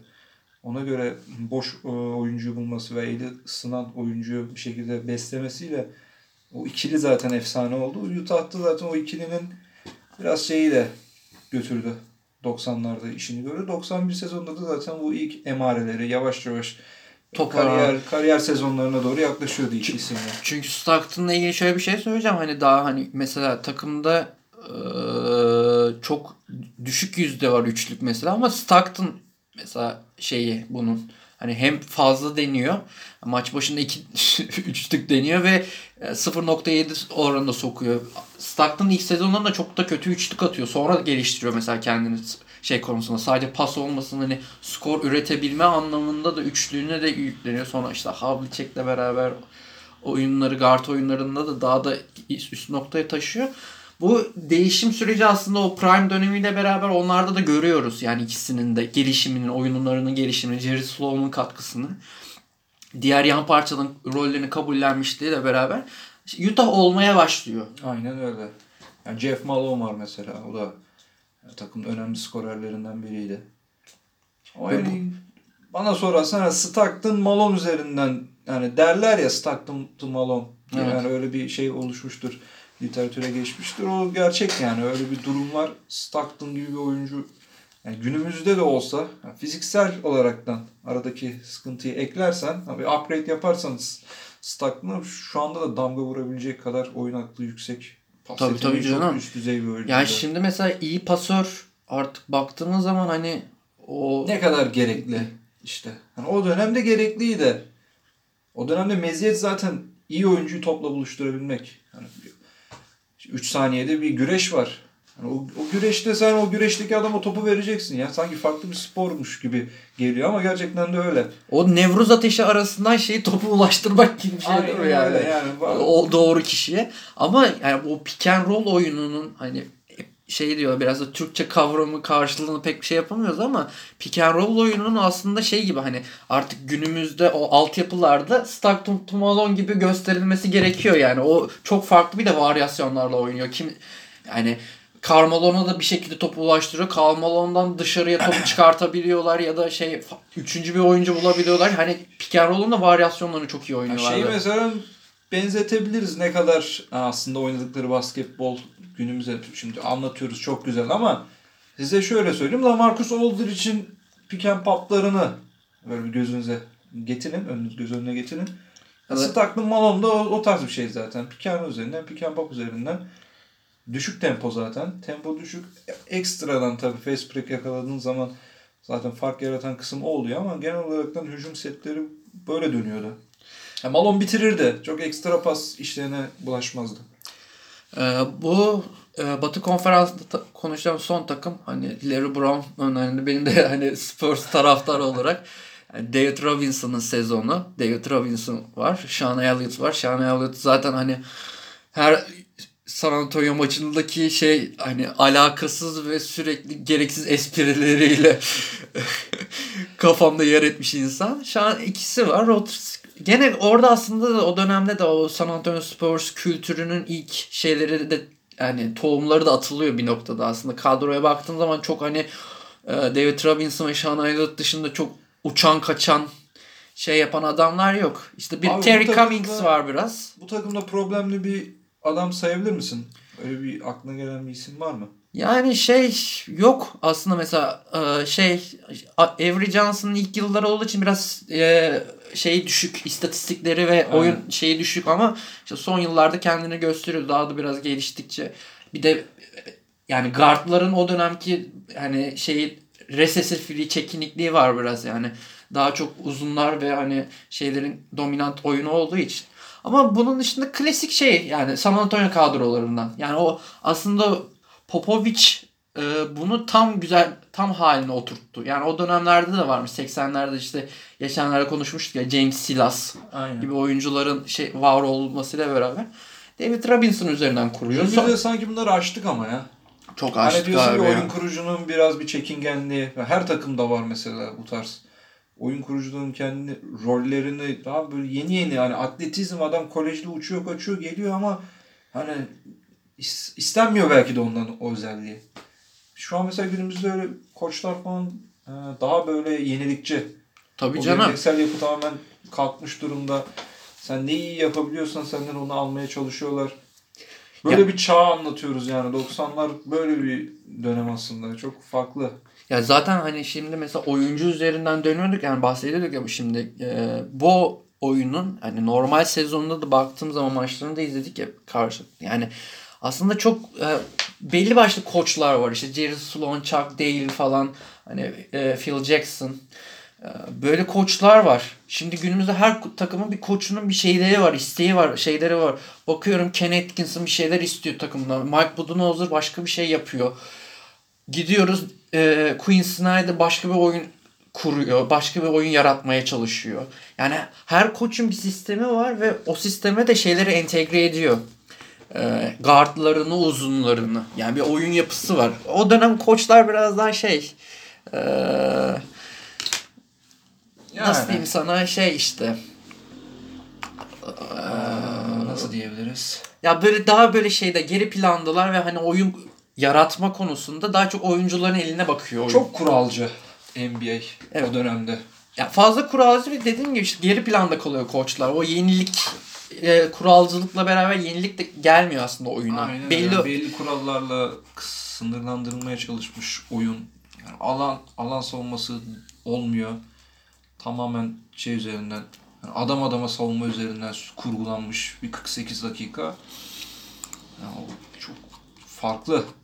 ya az- Alışık ol, alışık değiliz yani. zaten bu konferanslardan sonra biz konuşacağımız şeylere direkt girdik aslında baktığın zaman oyun sistemleri üzerinden hani biraz koçları da konuşacaktık. Şu anda tam onun şeyini yapıyoruz hani bir noktada. Ee,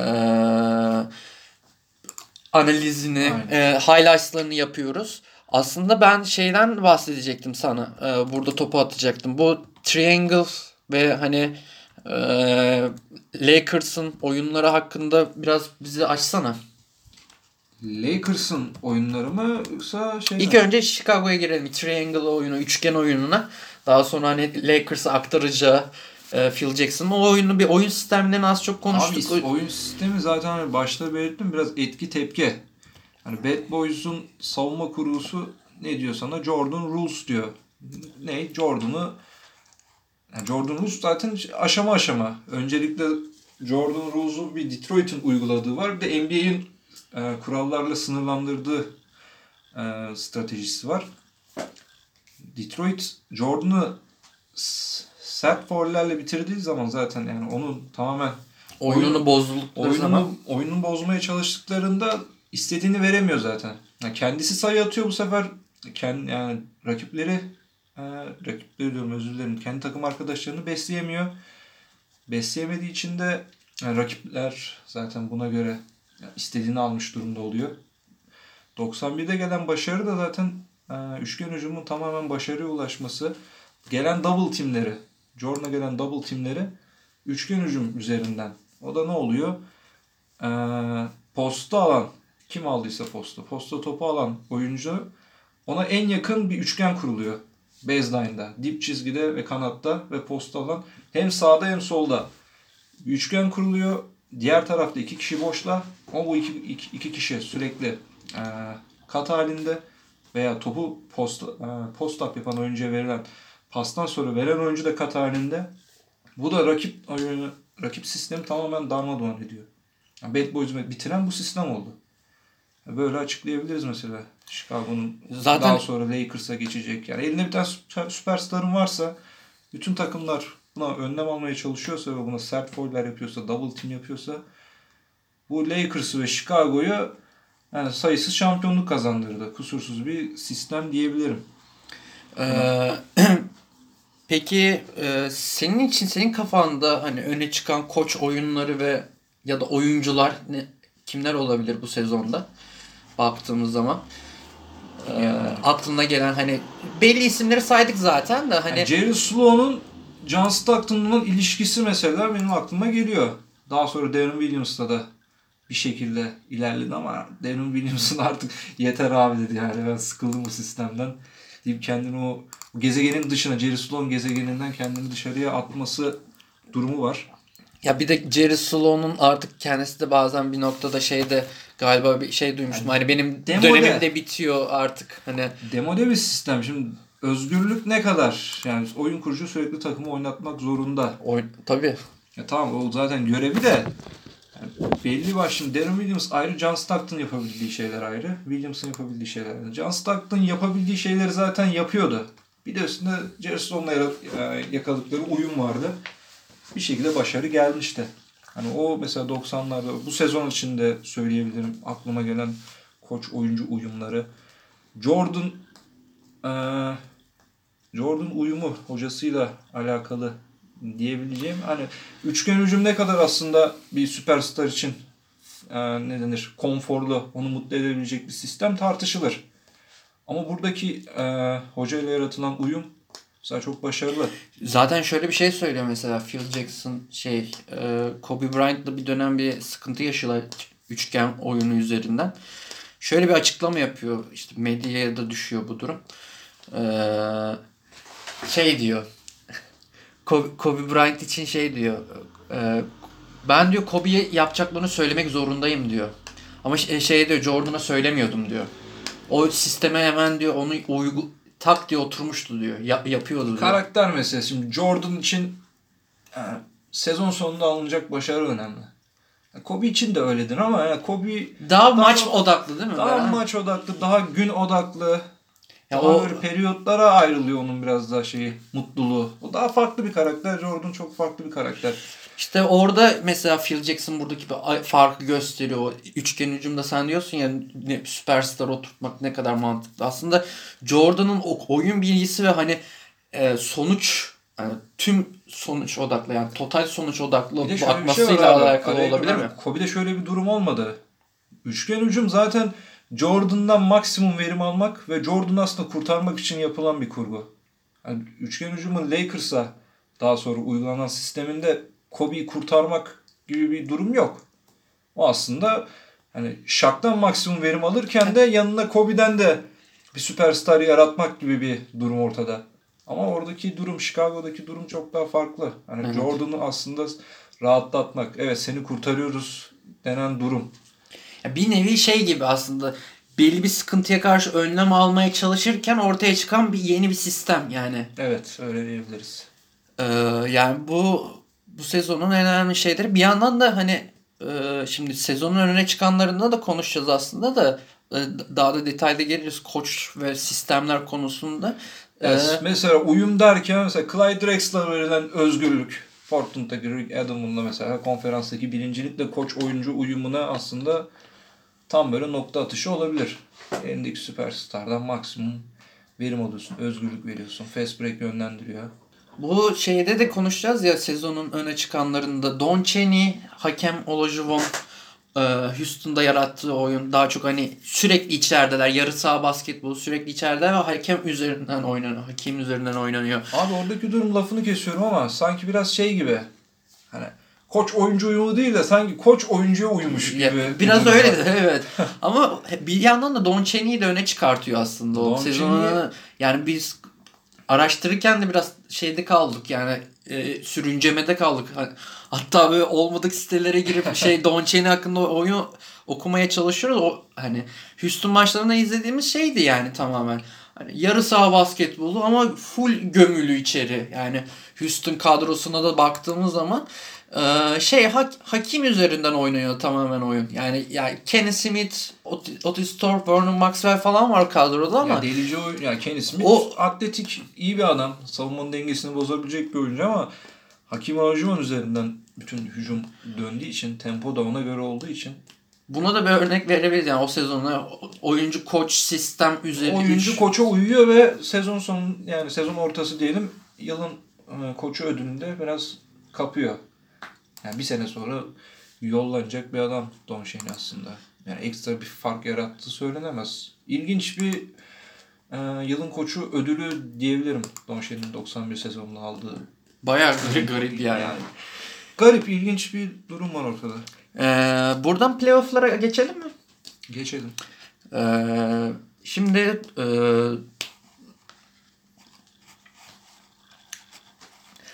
playoff'larda aslında şey enteresan sonuçlar da alınıyor bir noktada. Hani mesela baktığımız zaman e, şimdi genel olarak söylediğim zaman ilk turda Doğu'da Chicago New York rahatlıkla geçiyor. 3 maç üzerinden oynanıyor Evet. ilk turlar.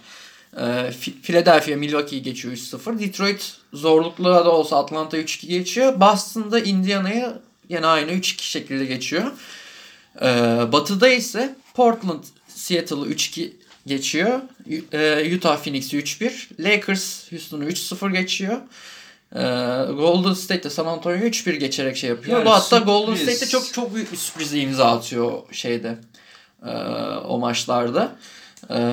Golden State'in biraz hani bu günümüzden de kalan etkilerinin hani o dönemden biraz şey ne denir flashback yapabilirsiniz. Yani değil mi? İlk şeyden özellikle Chris Mullin üzerinden biraz Aynen. daha dö- dönem var. Tim Hardaway o kadroda. Yani takım biraz şey zaten. Nasıl der? Şu anki gol yani nedir? Prime Golden State'i son dönemdekini biliyoruz. İlkel versiyonu. İlkel versiyonu diyebiliriz. Yani yine çok keyif veren, çok bozan, ilginç. Ama o istedikleri yetkiyi yer ama prototip takım olmadılar. Ama bir 15-20 şey sene gecikmeli oldu o yarattıkları jenerasyon aslında. Basketbol enteresan bir şey ama yani o sezon Golden State'i de yani incelemek gerekiyor. Hatta günümüzde herkes işte Clay Thompson'ıyla İşte San Antonio'ya ters geldi işte Yani. 91'de. O biraz amiral üzerinden dönen, daha ağır tempoda şut konusunda problemli olan San Antonio'ya biraz ters gelen bir yapıyla Golden State. Ama işte yani Lakers'a biraz şey yapıyorlar, tosluyorlar orada. Lakers yani o takımın artık olmasıyla o biraz daha hani yenilikçi takım olduğu için vardı. ters geliyordu yani. Ta- ters gelerek eleniyorlar. Lakers yetenek olarak da Golden State tam şey bir farklı bir basketbol deniyorlardı. Şutör bir takımdı ama yani Lakers'ta sana yani ne derler hızlı oyunu zaten oynayabilen bir takımdı. Karşılık verebiliyordu Golden State'e. Bu arada pek şaşırtıcı şey hani sürpriz bir sonuç olmuyor. Philadelphia konferans yarı finallerinde Chicago 4-1 yeniyor Philadelphia'ya geçiyor. Ee, Detroit de Boston'da geçiyor. Detroit daha böyle sert takım olduğu için o senin bahsettiğin Boston'daki o şeyi zayıflıkla beraber hani Boston gene tabii ki de karakter koyuyor oyuncularıyla beraber ama Philadelphia orada bir Charles Barkley, Jordan rekabeti de var zaten. o var zaten Allah'ın Yani ya orada. ilginç bir ilişki var. Biraz da Jordan baskın bir karakter. Barkley biraz daha kendi halinde böyle şey bir çocuk ruhlu bir adam. adam. Aralarında da öyle bir şey vardır yani. İlişki vardır ilginç bir. Arkadaşlıkları var. Ee, Hani Barkley onu arkadaşı gibi görür Jordan ama Jordan da hani söyler o salak beni arkadaşı olarak da görüyor falan diye öyle bir ilginç bir şeyleri var. Sosyopat, var. kibirli, egolu manyak. Değişik bir adam işte. Ee, Portland Utah'a 4-1 geçiyor. Şaşırmayacak şekilde Portland çok oturmuş bir takım ama e, şanssızlıkla işte finalde Lakers'a kaybediyorlar Batı konferansında. Lakers da Golden State'i 4-1 geçiyor. Aslında hani keyifli takımlar. Utah, Golden State, Portland Gü- güzel bir şeyler çıkartıyorlar ortaya. Batı'da biraz daha şey Doğu daha sert görüyorum. Batı daha böyle e, yetenek baremi çok yüksek görüyorum ben. Hani Değil mi? Doğudakiler daha şey işte Jordan, Chicago, Chicago'su, Jordan, Chicago'su daha böyle yetenek baremi yüksek ama Batı'da Diğer- daha deneysel şeyler, Şeyler var, var. aslında. Batı'daki takımlarda daha deneysel durumlar var oynadıkları basketbol açısından. Yani Doğu'da bir Golden State'e benzer bir yapı mesela ben göremiyorum. O dönemki Golden State için söyleyeceklerimi o dönem 91'de Doğu'da o tarz bir takım yok. Yani yine geleneksel yapıda devam çok eden geleneksel takımlar. yerler ya baktığımız zaman değil mi yani? Yani Chicago, Detroit zaten yani sürekli oraları oynuyorlar. Birbirlerini ekarte etmek için taktiksel e, beyin fırtınaları yapıyor işte staff ekipleri. Sürekli birlikte ya konferans finali oynuyorlar ya konferans yarı finali oynuyorlar. Ee, Kim kime ekarte ederse finale çıkıyor gibi bir durum var orada. konferans finallerinde de Chicago süpürüyor Detroit'i 4-0. Ee, ve Jordan Rules işe yarıyor. e, tamamen işe yarıyor. Port, e, Lakers'ta Portland'da 4-2 geçiyor. İşte her şey parkede oynanmıyor diyebilir miyiz Mustafa? Yani ha, kesinlikle. Komisyonerin bir imzasına bakıyor bazen. Yani şey ya ş- bir şekilde o flagrant foul, sportmenlik dışı foul Onlar bir devreye girdiği zaman Jordan'ın da önünü açıyor muhteşem bir şekilde. Çok acımasız bir şekilde 4-0'la süpürüyorlar. Yani eee, buradan finali konuşalım. Konuşalım. Daha detaylı biçimde. Eee Chicago Bulls'u Lakers'ı zaten normal sezonlarında da konuştuk şeylerinde. Normal sezon içerisinde ilk maçı eee, Chicago'daki maçı bu Chicago Bulls y- 114-103 kazanıyor. Kalif- Lakers yani Los Angeles'taki maçı da Lakers 99-86 alıyor. Eee, ve Yani ilk maç- Çok şaşılacak şeyler değil İlk, zaten. yani ilk maç Chicago'da oynanıyor. Ee, Lakers kazanıyor. Ee, Jordan'ın 93-91. çok ciddi bir hegemonyası var abi öyle diyebilirim. Ya bu Finaller için. finaller için tabii ki de o kaçış yok yani ben baktığım zaman hani böyle bir istatistikler yaptıkları şeyler inanılmaz yani. o bütün o dediğim gibi o yaşına kadarki süreçte NBA'de yaşadıkları düşe kalka o takımla beraber o başarıya ulaşama konusundaki o takıntılı sosyopat hali ve kendini e, çalışıp geliştirip manyak bir seviyeye ulaşmasındaki Jordan faktörü var bu finalde görüyoruz yani. İlk maçta e, Yani biraz Lakers, Lakers alıyor ama şöyle bir durum var abi zaten ilk maçtan da bazen yani bazı şeyler kendini gösteriyor. Magic Johnson'ın biraz daha hani skorer yönünü ortaya koyamadığı sürece yani Jordan'lı bulsa meydan okuyabilecekleri zaten pek mümkün görünmüyordu. Ya zaten bak baktığımız zaman Lakers'ındaki şeylere e, rakamlara Sam Perkins 22 sayı James Worthy ile beraber Vlade Divac 16 sayı Ma- Magic Johnson 19 sayıda kalıyor. E, ve şey hani bunlar üzerinden biraz daha şey yapıyor. Vlade Divac beni çok şaşırtıyor. Bu orada müthiş rebound bu seride final serisinde rebound konusunda yani Biraz bir o ders şey veriyor yani. Yani ya Horace Grant'e karşı biraz da hani ya Divaç da çok şey bir adamdır. Size'li bir adamdır. Sertlik olaraktan Grant'le kapışmasa da pozisyon bilgisiyle vesaire hani kendini çok da ezdirmedi aslında. Bu ilk maçtaki şey dikkatimi çekti benim ya. Ee, özellikle. Şimdi Michael Jordan 36 sayı atıyor. Scottie Pippen 19 sayı ama diğerleri tek hanelilerde kalıyor. Evet. Bu aslında biraz e, Chicago'nun önünü kapayan hani e, Lakers'ı süpürmesine engel olan şey. Diğer e, Lakers'ta daha e, homojen dağılmış biçimde herkes katkı sağlıyor. Ya Ee, orada durum zaten evet öyle de hani Chicago açısından ilk maçta hani Jordan hani elinden geleni yaptı diğerleri çok e, katkı veremedi durumu sıkıntıya soktu işte. Ya o Horace Grant'ın biraz şey görüyoruz, eksikliğini görüyoruz. Cartwright'ın, Paxson'ın Aynen. oyunlarının özellikle istatistiklere de yansımış haliyle baktığımız zaman. İlk maç bu şekilde sonuyor. İkinci maçta e, Chicago 107-86 kazanıyor. Kendi sahasında gene. E, yani Yani Magic Johnson 14 sayı, 15 sayı, 20 sayı bandının altında olduğu sürece zaten kazanamaz gibi yani. Kazanamaz. Ya, takım yaşlı, iskelet ya yaşlı derken hani Magic Johnson aslında gençler. Enerji olaraktan karşılayamıyorlar. Fiziksel olaraktan Bulls'la. Doymuşluk olabilir mi? Ve bu Chicago'nun açlığıyla beraber bir açlık, bir Yani doymuşlukla Jordan'ın beraber. Jordan açlığı, Magic Johnson'ın açlığını çok e, fark yarattığı biz iki. yok eder yani. İki yıldız oyuncunun finallere olan motivasyonu çok farklıydı. Ya burada Camia olaraktan çok farklı yaklaştılar aslında. ya düşün efsane bir Showtime takımına karşı ilk maç 30 36 sayı, ikinci maç 33 sayı, üçüncü maç 29 sayı. Yani baktığımız zaman o Jordan'ı görüyoruz yani asistler, reboundlar. Yani ikinci maçta da işte Jordan'ın özellikle hani artık daha da şeye basıp bir yandan da Horace Grant'in devreye girmesi ve işte John Paxson, Bill Cartwright'ın da tamamlamasıyla beraber kazanıyor aslında Chicago. Yani ilk Değil maçta gördüğümüzü ikinci maçta görüyoruz. Üçgen hücumun biraz daha tıkır tıkır işlediği bir ikinci maç diyebiliriz. Diğer tüm oyunculardan gelen double teamlere karşılık ekstra paslar, e, diğer oyuncuların dış şutlarda fayda sağlaması gibi ufak tefek detaylar ikinci maçı getirdi zaten. Ekstra rahat bir şekilde ikinci maçı kazandı. Üçüncü maça baktığımız zaman yani 104-96 Chicago kazanıyor gene.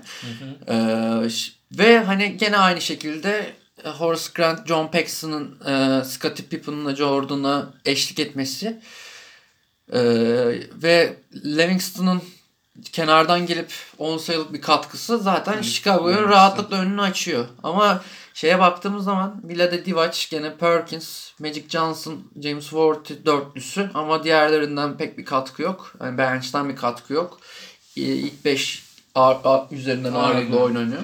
Öyle bir problem Mesela var. orada da burada da bir artı parantez açayım. Bur mesela günümüzde bench katkısı çok çok önem arz ediyor ya. Hani inanılmaz derecede maçın momentumun ivmesini değiştirecek en büyük faktörlerden mesela bench katkısı. O dönemlerde baktığımız zaman ilk 5'in ağırlık koyması çok önem arz ediyor mesela. Yani bench ne kadar katkı sağlarsa kardır diye görüyor. Ama burada mesela bench takımı katkısı oyunu değiştirebilecek şeyde. Yani şimdi çok absürt bir örnek olabilir gerçi ama mesela Furkan Korkmaz üzerinden set çizebiliyor şey. Bench oyuncusu Furkan yani Brett Brown çizebiliyor üçlüğüne güvendirdiği için. Böyle bir mesela maçı kazandırabilecek. Portland maçında bu sezon izlediğimiz. Ama orada mesela bunu göremiyoruz pek. Yani bench oyuncuları bench oyuncusu. Yani biri Yani- sakatlanacak da biri yorulacak da onun yerine girecek. Yani onu dakikasını tamamlayacakmış Dar gibi. rotasyonun moda olduğu bir dönem. Yani şu anda mesela biz bazen tartışıyoruz. NBA sezonu çok fazla. Ve bazı koçlar da e, bir şeyler deniyorlar. Furkan Korkmaz'a özel çizilen setlerden bahsediyorsun değil mi? Yani çok farklı bir dönemdeyiz şu an. O zamanlar çok daha farklı.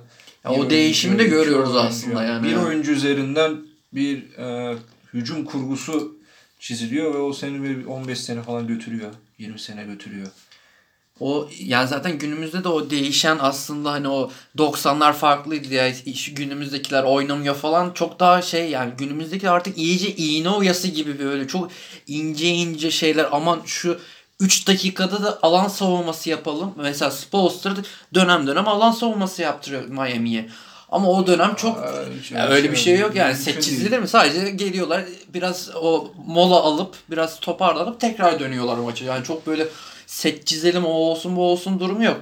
Abi o zaman yani 90'larda mesela e, 24 saniyelik molalardan sonra e, kesinlikle hızlı hücum olmazdı. Yani yasaktı o. Yani oyun mesela az önce diyorsun ya oyun kurucular daha böyle temkinliydi vesaire.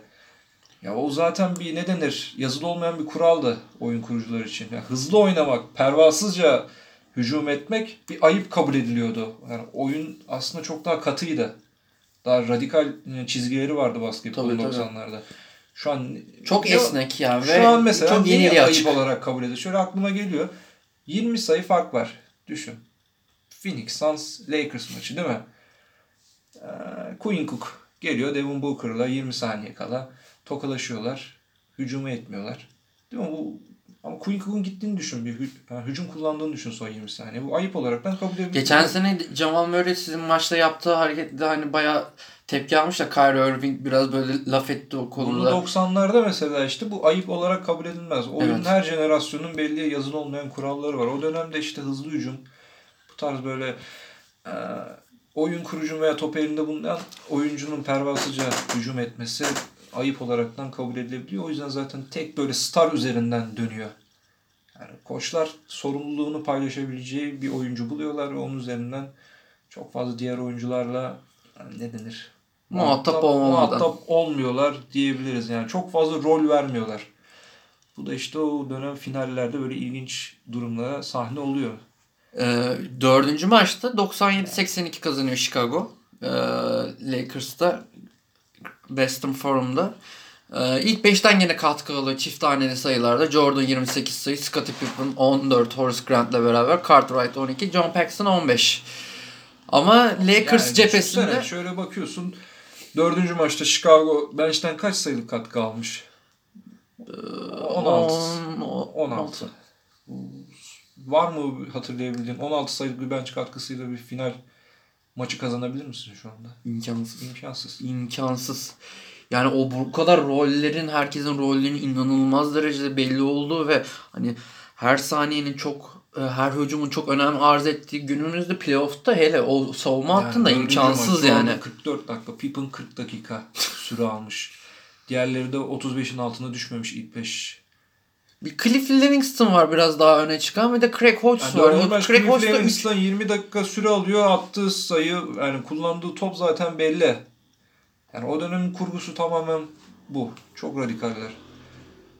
Hani Abi- derler yani ne kadar doğru tam olarak bilmiyorum. Phil Jackson topu Jordan'a verin ve siz ne yapıyorsunuz yapın siz kenarda takılın demiş. Yani bu bunları diye bunlar konuşuluyor.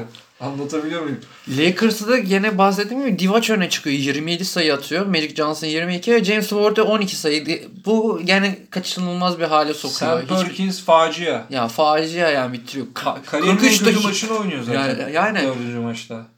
Baksana 3 3 sayıyla bitiriyor. 43 dakika sahada Sam kalıyor. Perkins Dördüncü maçta yok gibi bir şeydi zaten. Yani Byron Scott'tan hiç katkı alamıyorlar. Worthy gibi bir oyuncunun ya bunlar hep bu şekilde hiçbir şekilde enerjisine karşılık veremiyor Lakers bulsun. Ya o açlık tokluk meselesine döndü. Gerçekten de durum bu. Serinin 5. ve son maçı. Ee, Chicago Bulls 108 100 101 kazanıyor ve şampiyon oluyor. Ee, Scottie Pippen 32 sayı atıyor ve Jordan'ın önüne geçiyor ilk defa o maçta. 7 sayılık bir muazzam bir Katkı, katkı. Craig Hodges Aynen üçlük öyle. atıyor. Craig Enteresan Hodges. bir şekilde. Üçlük şampiyonu o sezon. Aynen Birazdan geleceğiz Aynen. anlatacağız. Ama çok düşük üçlük denemeleri falan var. Scottie Pippen 2'de 1 atmış ve yani Gerçekten ilginç. Yani Evet. oturursun izlersin. Yani 91 finalleri, playoff'ları izlemeye değer gerçekten. Yani o sezon özellikle bütün On, 90'lar. ora o dönemi anlamak için ideal bir şeyler değil mi? İdeal bir başlangıç noktası yani. Ya bir okyanus gibi düşünebilirsin ya. Yani şu ankinden daha bence keyifli olduğunu ya. Farklı bir spor izliyormuşsun gibi his, his- böyle bir hisse kapılıyor insan. Ee, Gerçekten çok garip. Lakers'ta da Sam Perkins 22 sayı, AC Green 13, e, Magic Johnson 16 ve Vila Divac 8 sayıyla tamamlıyor. Zaten son maçta artık Magic Johnson ve Sam Perkins elinden gelenini yapıyor ama e, Magic Johnson'ın Ee, bu ben- maçtan sonraki NBA kariyeri hakkında ne dersin? geleceğiz şimdi ona bu şeyleri bitirelim. Ve hani Chicago Bulls 4-1 gelerek şampiyon oluyor ve e, Jordan ilk şampiyonluğunu da kazanıyor ve o dönem başlıyor. E, Jordan era başlıyor. Şimdi şey diyelim. E, Ja- Magic Johnson ve Jordan analizine gelelim ufaktan ve sonra sonra sezonun enleriyle toparlarız. E, ya, yayınımızı tamamlarız. Abi yani Magic Johnson ne biz 91 finallerinde bize Magic Johnson'ı izletebildi. Böyle bir durum var. Yani özel hayatında yaşadığı problemler daha sonra ayyuka çıkacak bazı sıkıntılardan dolayı olduğunu düşündüğüm.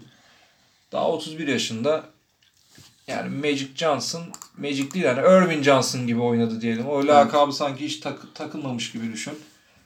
Yani yine elinden geleni yapıyor ama yani Jordan ve Jordan yanındaki yani starların finalleri olan bakış açısına takım olaraktan yaklaşamadılar.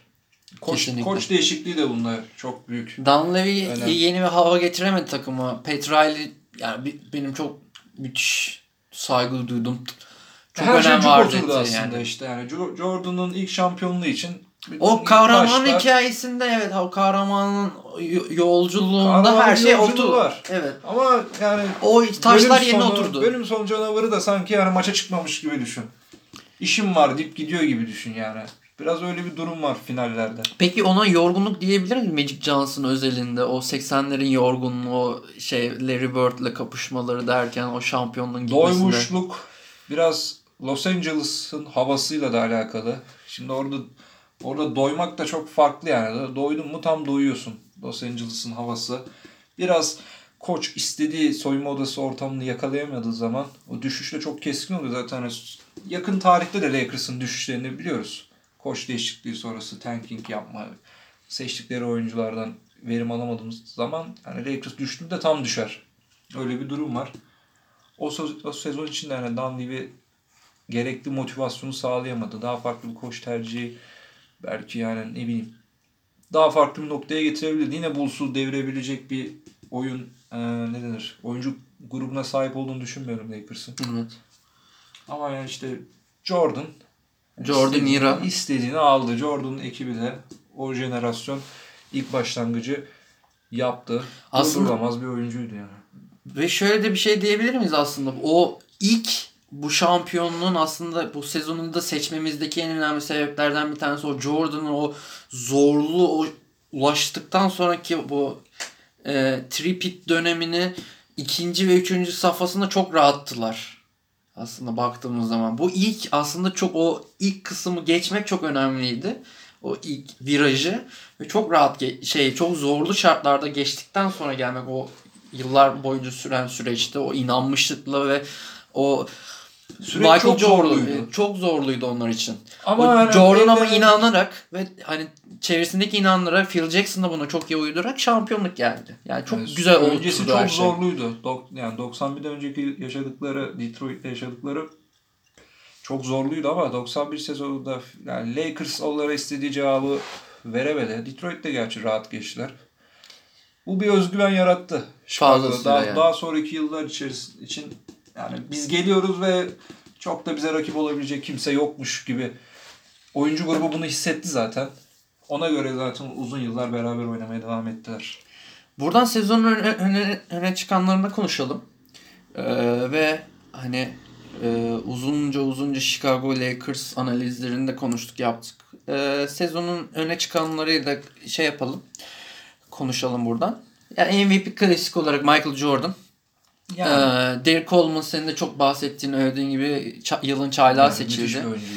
Ee, sa- yılın savunmacısı Dennis Rodman. 6. adam Detlef Schrempf. Benim de çok sevdiğim ve o dönemde yavaştan hani o dediğimiz gibi Avrupalı basketbolcu Alman ekolünden gelmiş Detlef Schrempf'in Indiana'da bir adammışlıkla beraber oynayışı. Hani diyorsun ya bench'ten rolü. gelen oyunculara olan saygı düşük. Hani onlara olan denir, rolleri kısıtlı. Detlef Schrempf öyle, öyle bir adam değildi. Hani bench'ten zorunluluktan bench'te oynayan bir adamdı. Yani birçok takımda zaten ilk 5 oynayabilecek kıvamdaydı. iyi dönemlerinde. Ama Biraz takım kurgusuyla alakalı. Ama o dönem için biraz böyle bir e, öncül Dirk Nowitzki diyebilir miyiz? Yani üçlük Yani. atıyor, bir şeyler yapıyor ve sayı ortalamaları özellikle Indiana döneminde beraber artışa geçiyor. Seattle'da da çok iyi yıllar geçiriyor. E, ama verilen ona rol Avrupalı olduğu için biraz e, göz ardı edilmesiyle beraber ya ben hakkını çok verildiğini düşünmüyorum ama çok iyi ortalamaları var bir Avrupalı oyuncuya geliyor ve Aynen kendini öyle. kabul ettiriyor yani. Avrupalıysan ya çok iyi boğuşacaksın, çok iyi güreşeceksin ya da çok iyi şut atacaksın. Yani ikisinden birini çok iyi yapman lazım kendini kabul ettirebilmek için. Ve şey bir de şöyle bir durum oluyor Detlef ilgili. Dallas dönemi biraz sıkıntılı geçiyor onun için. Hani alışma evresi, alışma süreci beraber ama Indiana ile kendini buluyor. Ve ona verilen rolle beraber 3 numaraydı, 4 numaraydı çok iyi oynuyor Detlef Schrempf. O yüzden bence o dönemde hak ediyor fazlasıyla yani. Yani Ve underrated oyunculardan birisi de benim nazarım. Çok sevmem bu tabiri kullanmayı ama hakikaten öyledir o dönem için. Ee, en çok gelişme kaydeden oyuncu Orlando Magic'ten de Scott Skiles. Scott Skiles da çok şey bir adamdır yani. Değişik bir tiptir. Sağda duruşuyla vesaire öyle beyaz ama gücünü vesaire kullanabilen kime benzetiyorum şöyle bir düşündüğüm zaman hani Jason Kidd diyemeyeceğim hani şey olaraktan rebound katkısı vesaire Kidd değil ama sağdaki duruşuyla oyun yönlendirme şekliyle böyle bir Jason Kidd havaları vardı iyi dönemlerinde. Bu 91 sezonunda da zaten garip bir Denver maçı var. Denver maçında 30 asist yapıyor. Rekor kırıyor. O Yani Denver'ı da özellikle değineceğiz de o Yavaşlığıyla meşhur e, 91 sezonunun böyle bir hızda yok yani Denver'ın da oynadığı basketbolla gerçekten ilginç. O maçta mesela yani oynadıkları sezon ilk maçta sanırım. Yani 30 asist yapıyor. Sezonda da iyi oynuyor yani. iyi anlaşıyor diğer bütün oyuncularla. Oyun yönlendirme açısından Skaz Skaz bayağı başarılı.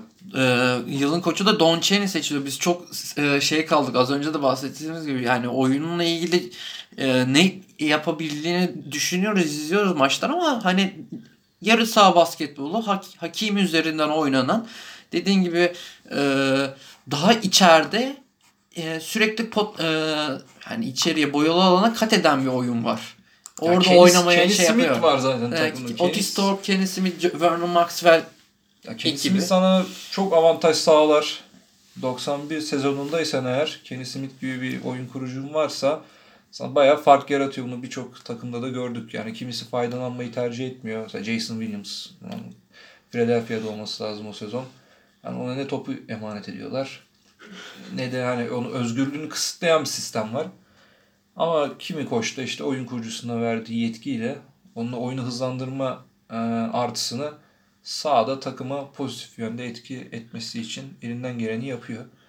Yani orada da öyle bir yapı var. Kenny Smith'ten, hakimden faydalandı. Yani iyi bir dereceyle bitirdiler. Daha şimdi yılın koçu ödülünü aldı. Ben aslında şöyle bir şey de e, teoride öğretmek istiyorum. Yani Rudy Tomjanovic yardımcısı Don Chaney'nin.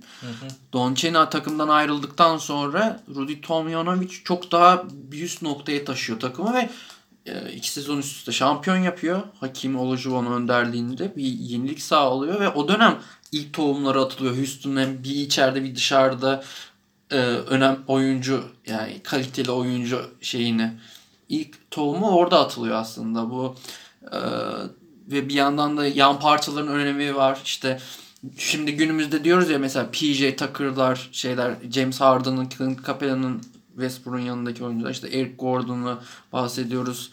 Ee, önceki Trevor Ariza müthiş bir şey yapmıştı. O dönemde de benzer aslında yani o Tomjanovic aslında şey yapılıyor bu Don Chaney ile beraber o günümüz Houston şeyinin ilk böyle kar topu yavaştan büyümeye başlıyor o dönem. Yani. Onu öyle söyleyebiliriz Diyebiliriz tabii. Tomjanovic'in takımla olan ilişkisi çok daha farklı. farklı ama. Daha böyle ne derler daha hedefe odaklı bir takımda. Daha biz bir şeyler yapabiliriz. Ya, modunda takımı bir oyuncuları da inandırmıştı zaten. İnanma meselesi zaten yani. Daha ileriyi bir tık ileriyi gören ve oyuncu ona bunu göstermeye çalışan vizyoner bir hocayla der ya bir şampiyonun ruhunu asla ha, ne derler önem, önemsemelisin yani. Yani. Ee, ilk All NBA takımı e, tabii ki de klasik olarak Jordan, Magic Johnson, Charles Barkley, Karl Malone ve David Robinson'dan kurulu. Buraya ekleyebileceğimiz şöyle hani second team'den first'e ekleyebileceğin biri var mı diye soracağım sana. Ya Patrick Ewing ile Clyde Drexler zorlayabilir. ben de ha. Drexler'ı kesin sokarım. Yani Magic Jordan'la oynar mesela bence yani. Jordan'ın yanı Can, Magic'in tabii ki de şeyi var da. İşte yani orada da şimdi Drexler direkt iki numara olaraktan aldığımız için Jordan'ı kesme ihtimali yok. Jordan'ı bir... Ya şimdi olsa Jordan'ı bir oynatacaksın. Magic'i çekersin. Magic'i second'a çekersin. Clyde'ı 1'e çekersin. Yani şu an kimler kimler alıyor yani. 5 tane oyuncu ol- olsun da yani hiçbir sıkıntı yok şu an. Ee, rookie e, en iyi çaylaklar 5'i. D. Brown, Kendall Gill, Derek Coleman, Dennis Scott ve Lionel Simmons yani tam hakikaten o döneme ha- hak eden e, Yani çaylaklar. Süre alsaydı hani buraya kim kimi keserdi diye düşünüyorum. D. Brown muazzam bir istatistikle sezonu bitirmedi. Evet çok şeyde takıma etkisi vardı. Çok başarılı bir sezon geçirdi ama hani şöyle düşünüyorum. Jason Williams süre almış bir Jason Williams. yani rolü olan bir Jason Williams mesela D. Brown'u çok rahatlıkla ekarte edebilir. Çok muazzam bir sezon geçirdiğini düşünmüyorum D. Brown'un. Ama o işte şey birazdan da bahsedeceğiz ya o smash şampiyonluğu falan Ha, enteresan başlangıçlığı çok falan. Güzel bir smash şampiyonasıydı o 91 ama şöyle düşün. Günümüzde çaylak beşlerini bir düşün mesela. Bir oyuncu eğer çaylak beşindeyse ve oyun kurucuysa genelde sezona damgasını vurmuş bir oyun kurucu olaraktan geliyor. 91'den de D. Brown bir rol oyuncusu olaraktan en iyi çaylak beşinde. Ee, bu da çok önemli bir Cem. Moran var mesela. Yani? Cacan Moran aynen. Yani bugün çaylak bir yani işte oyun kurucu kıtlığı ve rolleriyle yani daha önce de konuştuk. Bu podcast arasında da bu şeyi geçtik zaten. Anekdotu böyle bir durum var o dönem için. Ee, yılın savunma takımı Michael Jordan, Alvin Robertson, David Robinson, Dennis Rodman ve Buck Williams'tan oluşuyor. Yani gene hak eden ve aynen. Böyle, böyle bir kadro olduğu düşünsene yerler adamları ya. Hani bir bir 10 sene 15 sene falan ira olur yani. Döve döve her sene şampiyon olur. 90'ları çok rahat götürür hiçbir problem Yani, yaşamaz. Aynen. İkinci takımda bakıyorum. Joe Dumars, John Stockton, Hakim, Juvon, Scottie Pippen ve Dan Mayerly var. Bu arada şöyle bir anekdot açalım. John Stockton da çok saha içerisinde sıkıntılı bir abimizmiş yani. Kesinlikle Ya adım Rodman- atmaz. Dennis Rodman gibi bir adam o dönem manyağı düşünün korkuyormuş John Stockton'dan ve hep ağlaşıyormuş sürekli bana dirsek atıyor siz Stockton müthiş görmüyorsun bir adam. Diye hani düşün öyle bir 1.85 boyunda beyaz ve karşısındaki 2 metre manyak deli dediğimiz Dennis Rodman korkuyor John Abi Stockton'dan. dedim yani o dönemde oyun kurucu olmak ve star oyun kurucu olmak yani çok farklı. Bugün star on, star bir oyun kurucunun yapabildikleri bellidir. Ama yine şey gibi düşün. Beyaz ve oyun kurucusun ve yıldız statüsündesin. Boğuşmayı bilmek zorundasın. Kavga etmeyi bilmek zorundasın o dönem. Yani bugün iyi dericisindir, iyi şut atıyorsundur. Olay bitti. Fazlasını kimse kurcalamaz. O dönem kavga eden adam yıldız statüsünü alıyor. Ee, All Star maçında NBA All Star maçının MVP'si tabii ki de ee, Charles Barkley O oluyor. sezon bir şey almalıydı. Yani o ona bir ödül verilmesi gerekiyordu ve Ama hani çok kastı zaten yani bir şekilde almak zorundaydı. Ee, ve şey hani e, MVP de tabii ki de Charles Barkley oluyor. Üçlük şampiyonu Craig Hodges oluyor Chicago'dan ama 3 sene üst üste oluyor bir de.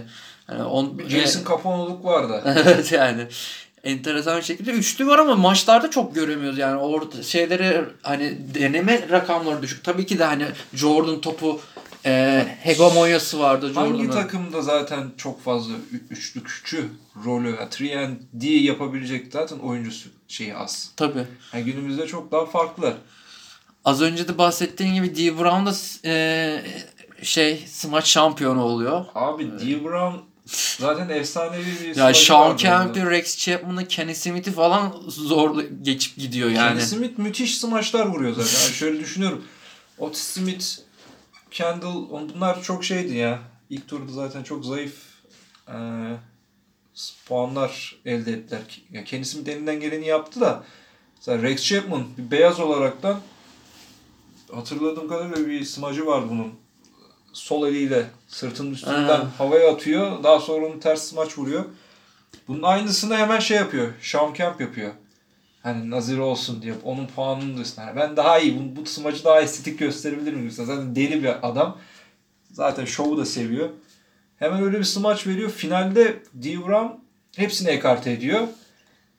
Yani gözünü kapataraktan, sol eliyle gözünü kapataraktan sağ eliyle smacı vuruyor ve birinci oluyor. Zaten hani Celtics camiasında da sevilen bir adamlar. İleride bir kafe falan açsam ben.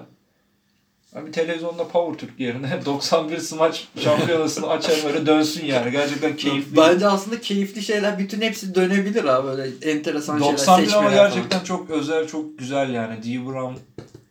Yani Kenny Smith o atletizme çok düz maçlar vuruyor. O da ilginç. Ama D. Brown işte o yaratıcılık, hip hop falan. kültüründen gelen bir adam olduğu için o anekdotu da paylaşırsın birazdan bizde.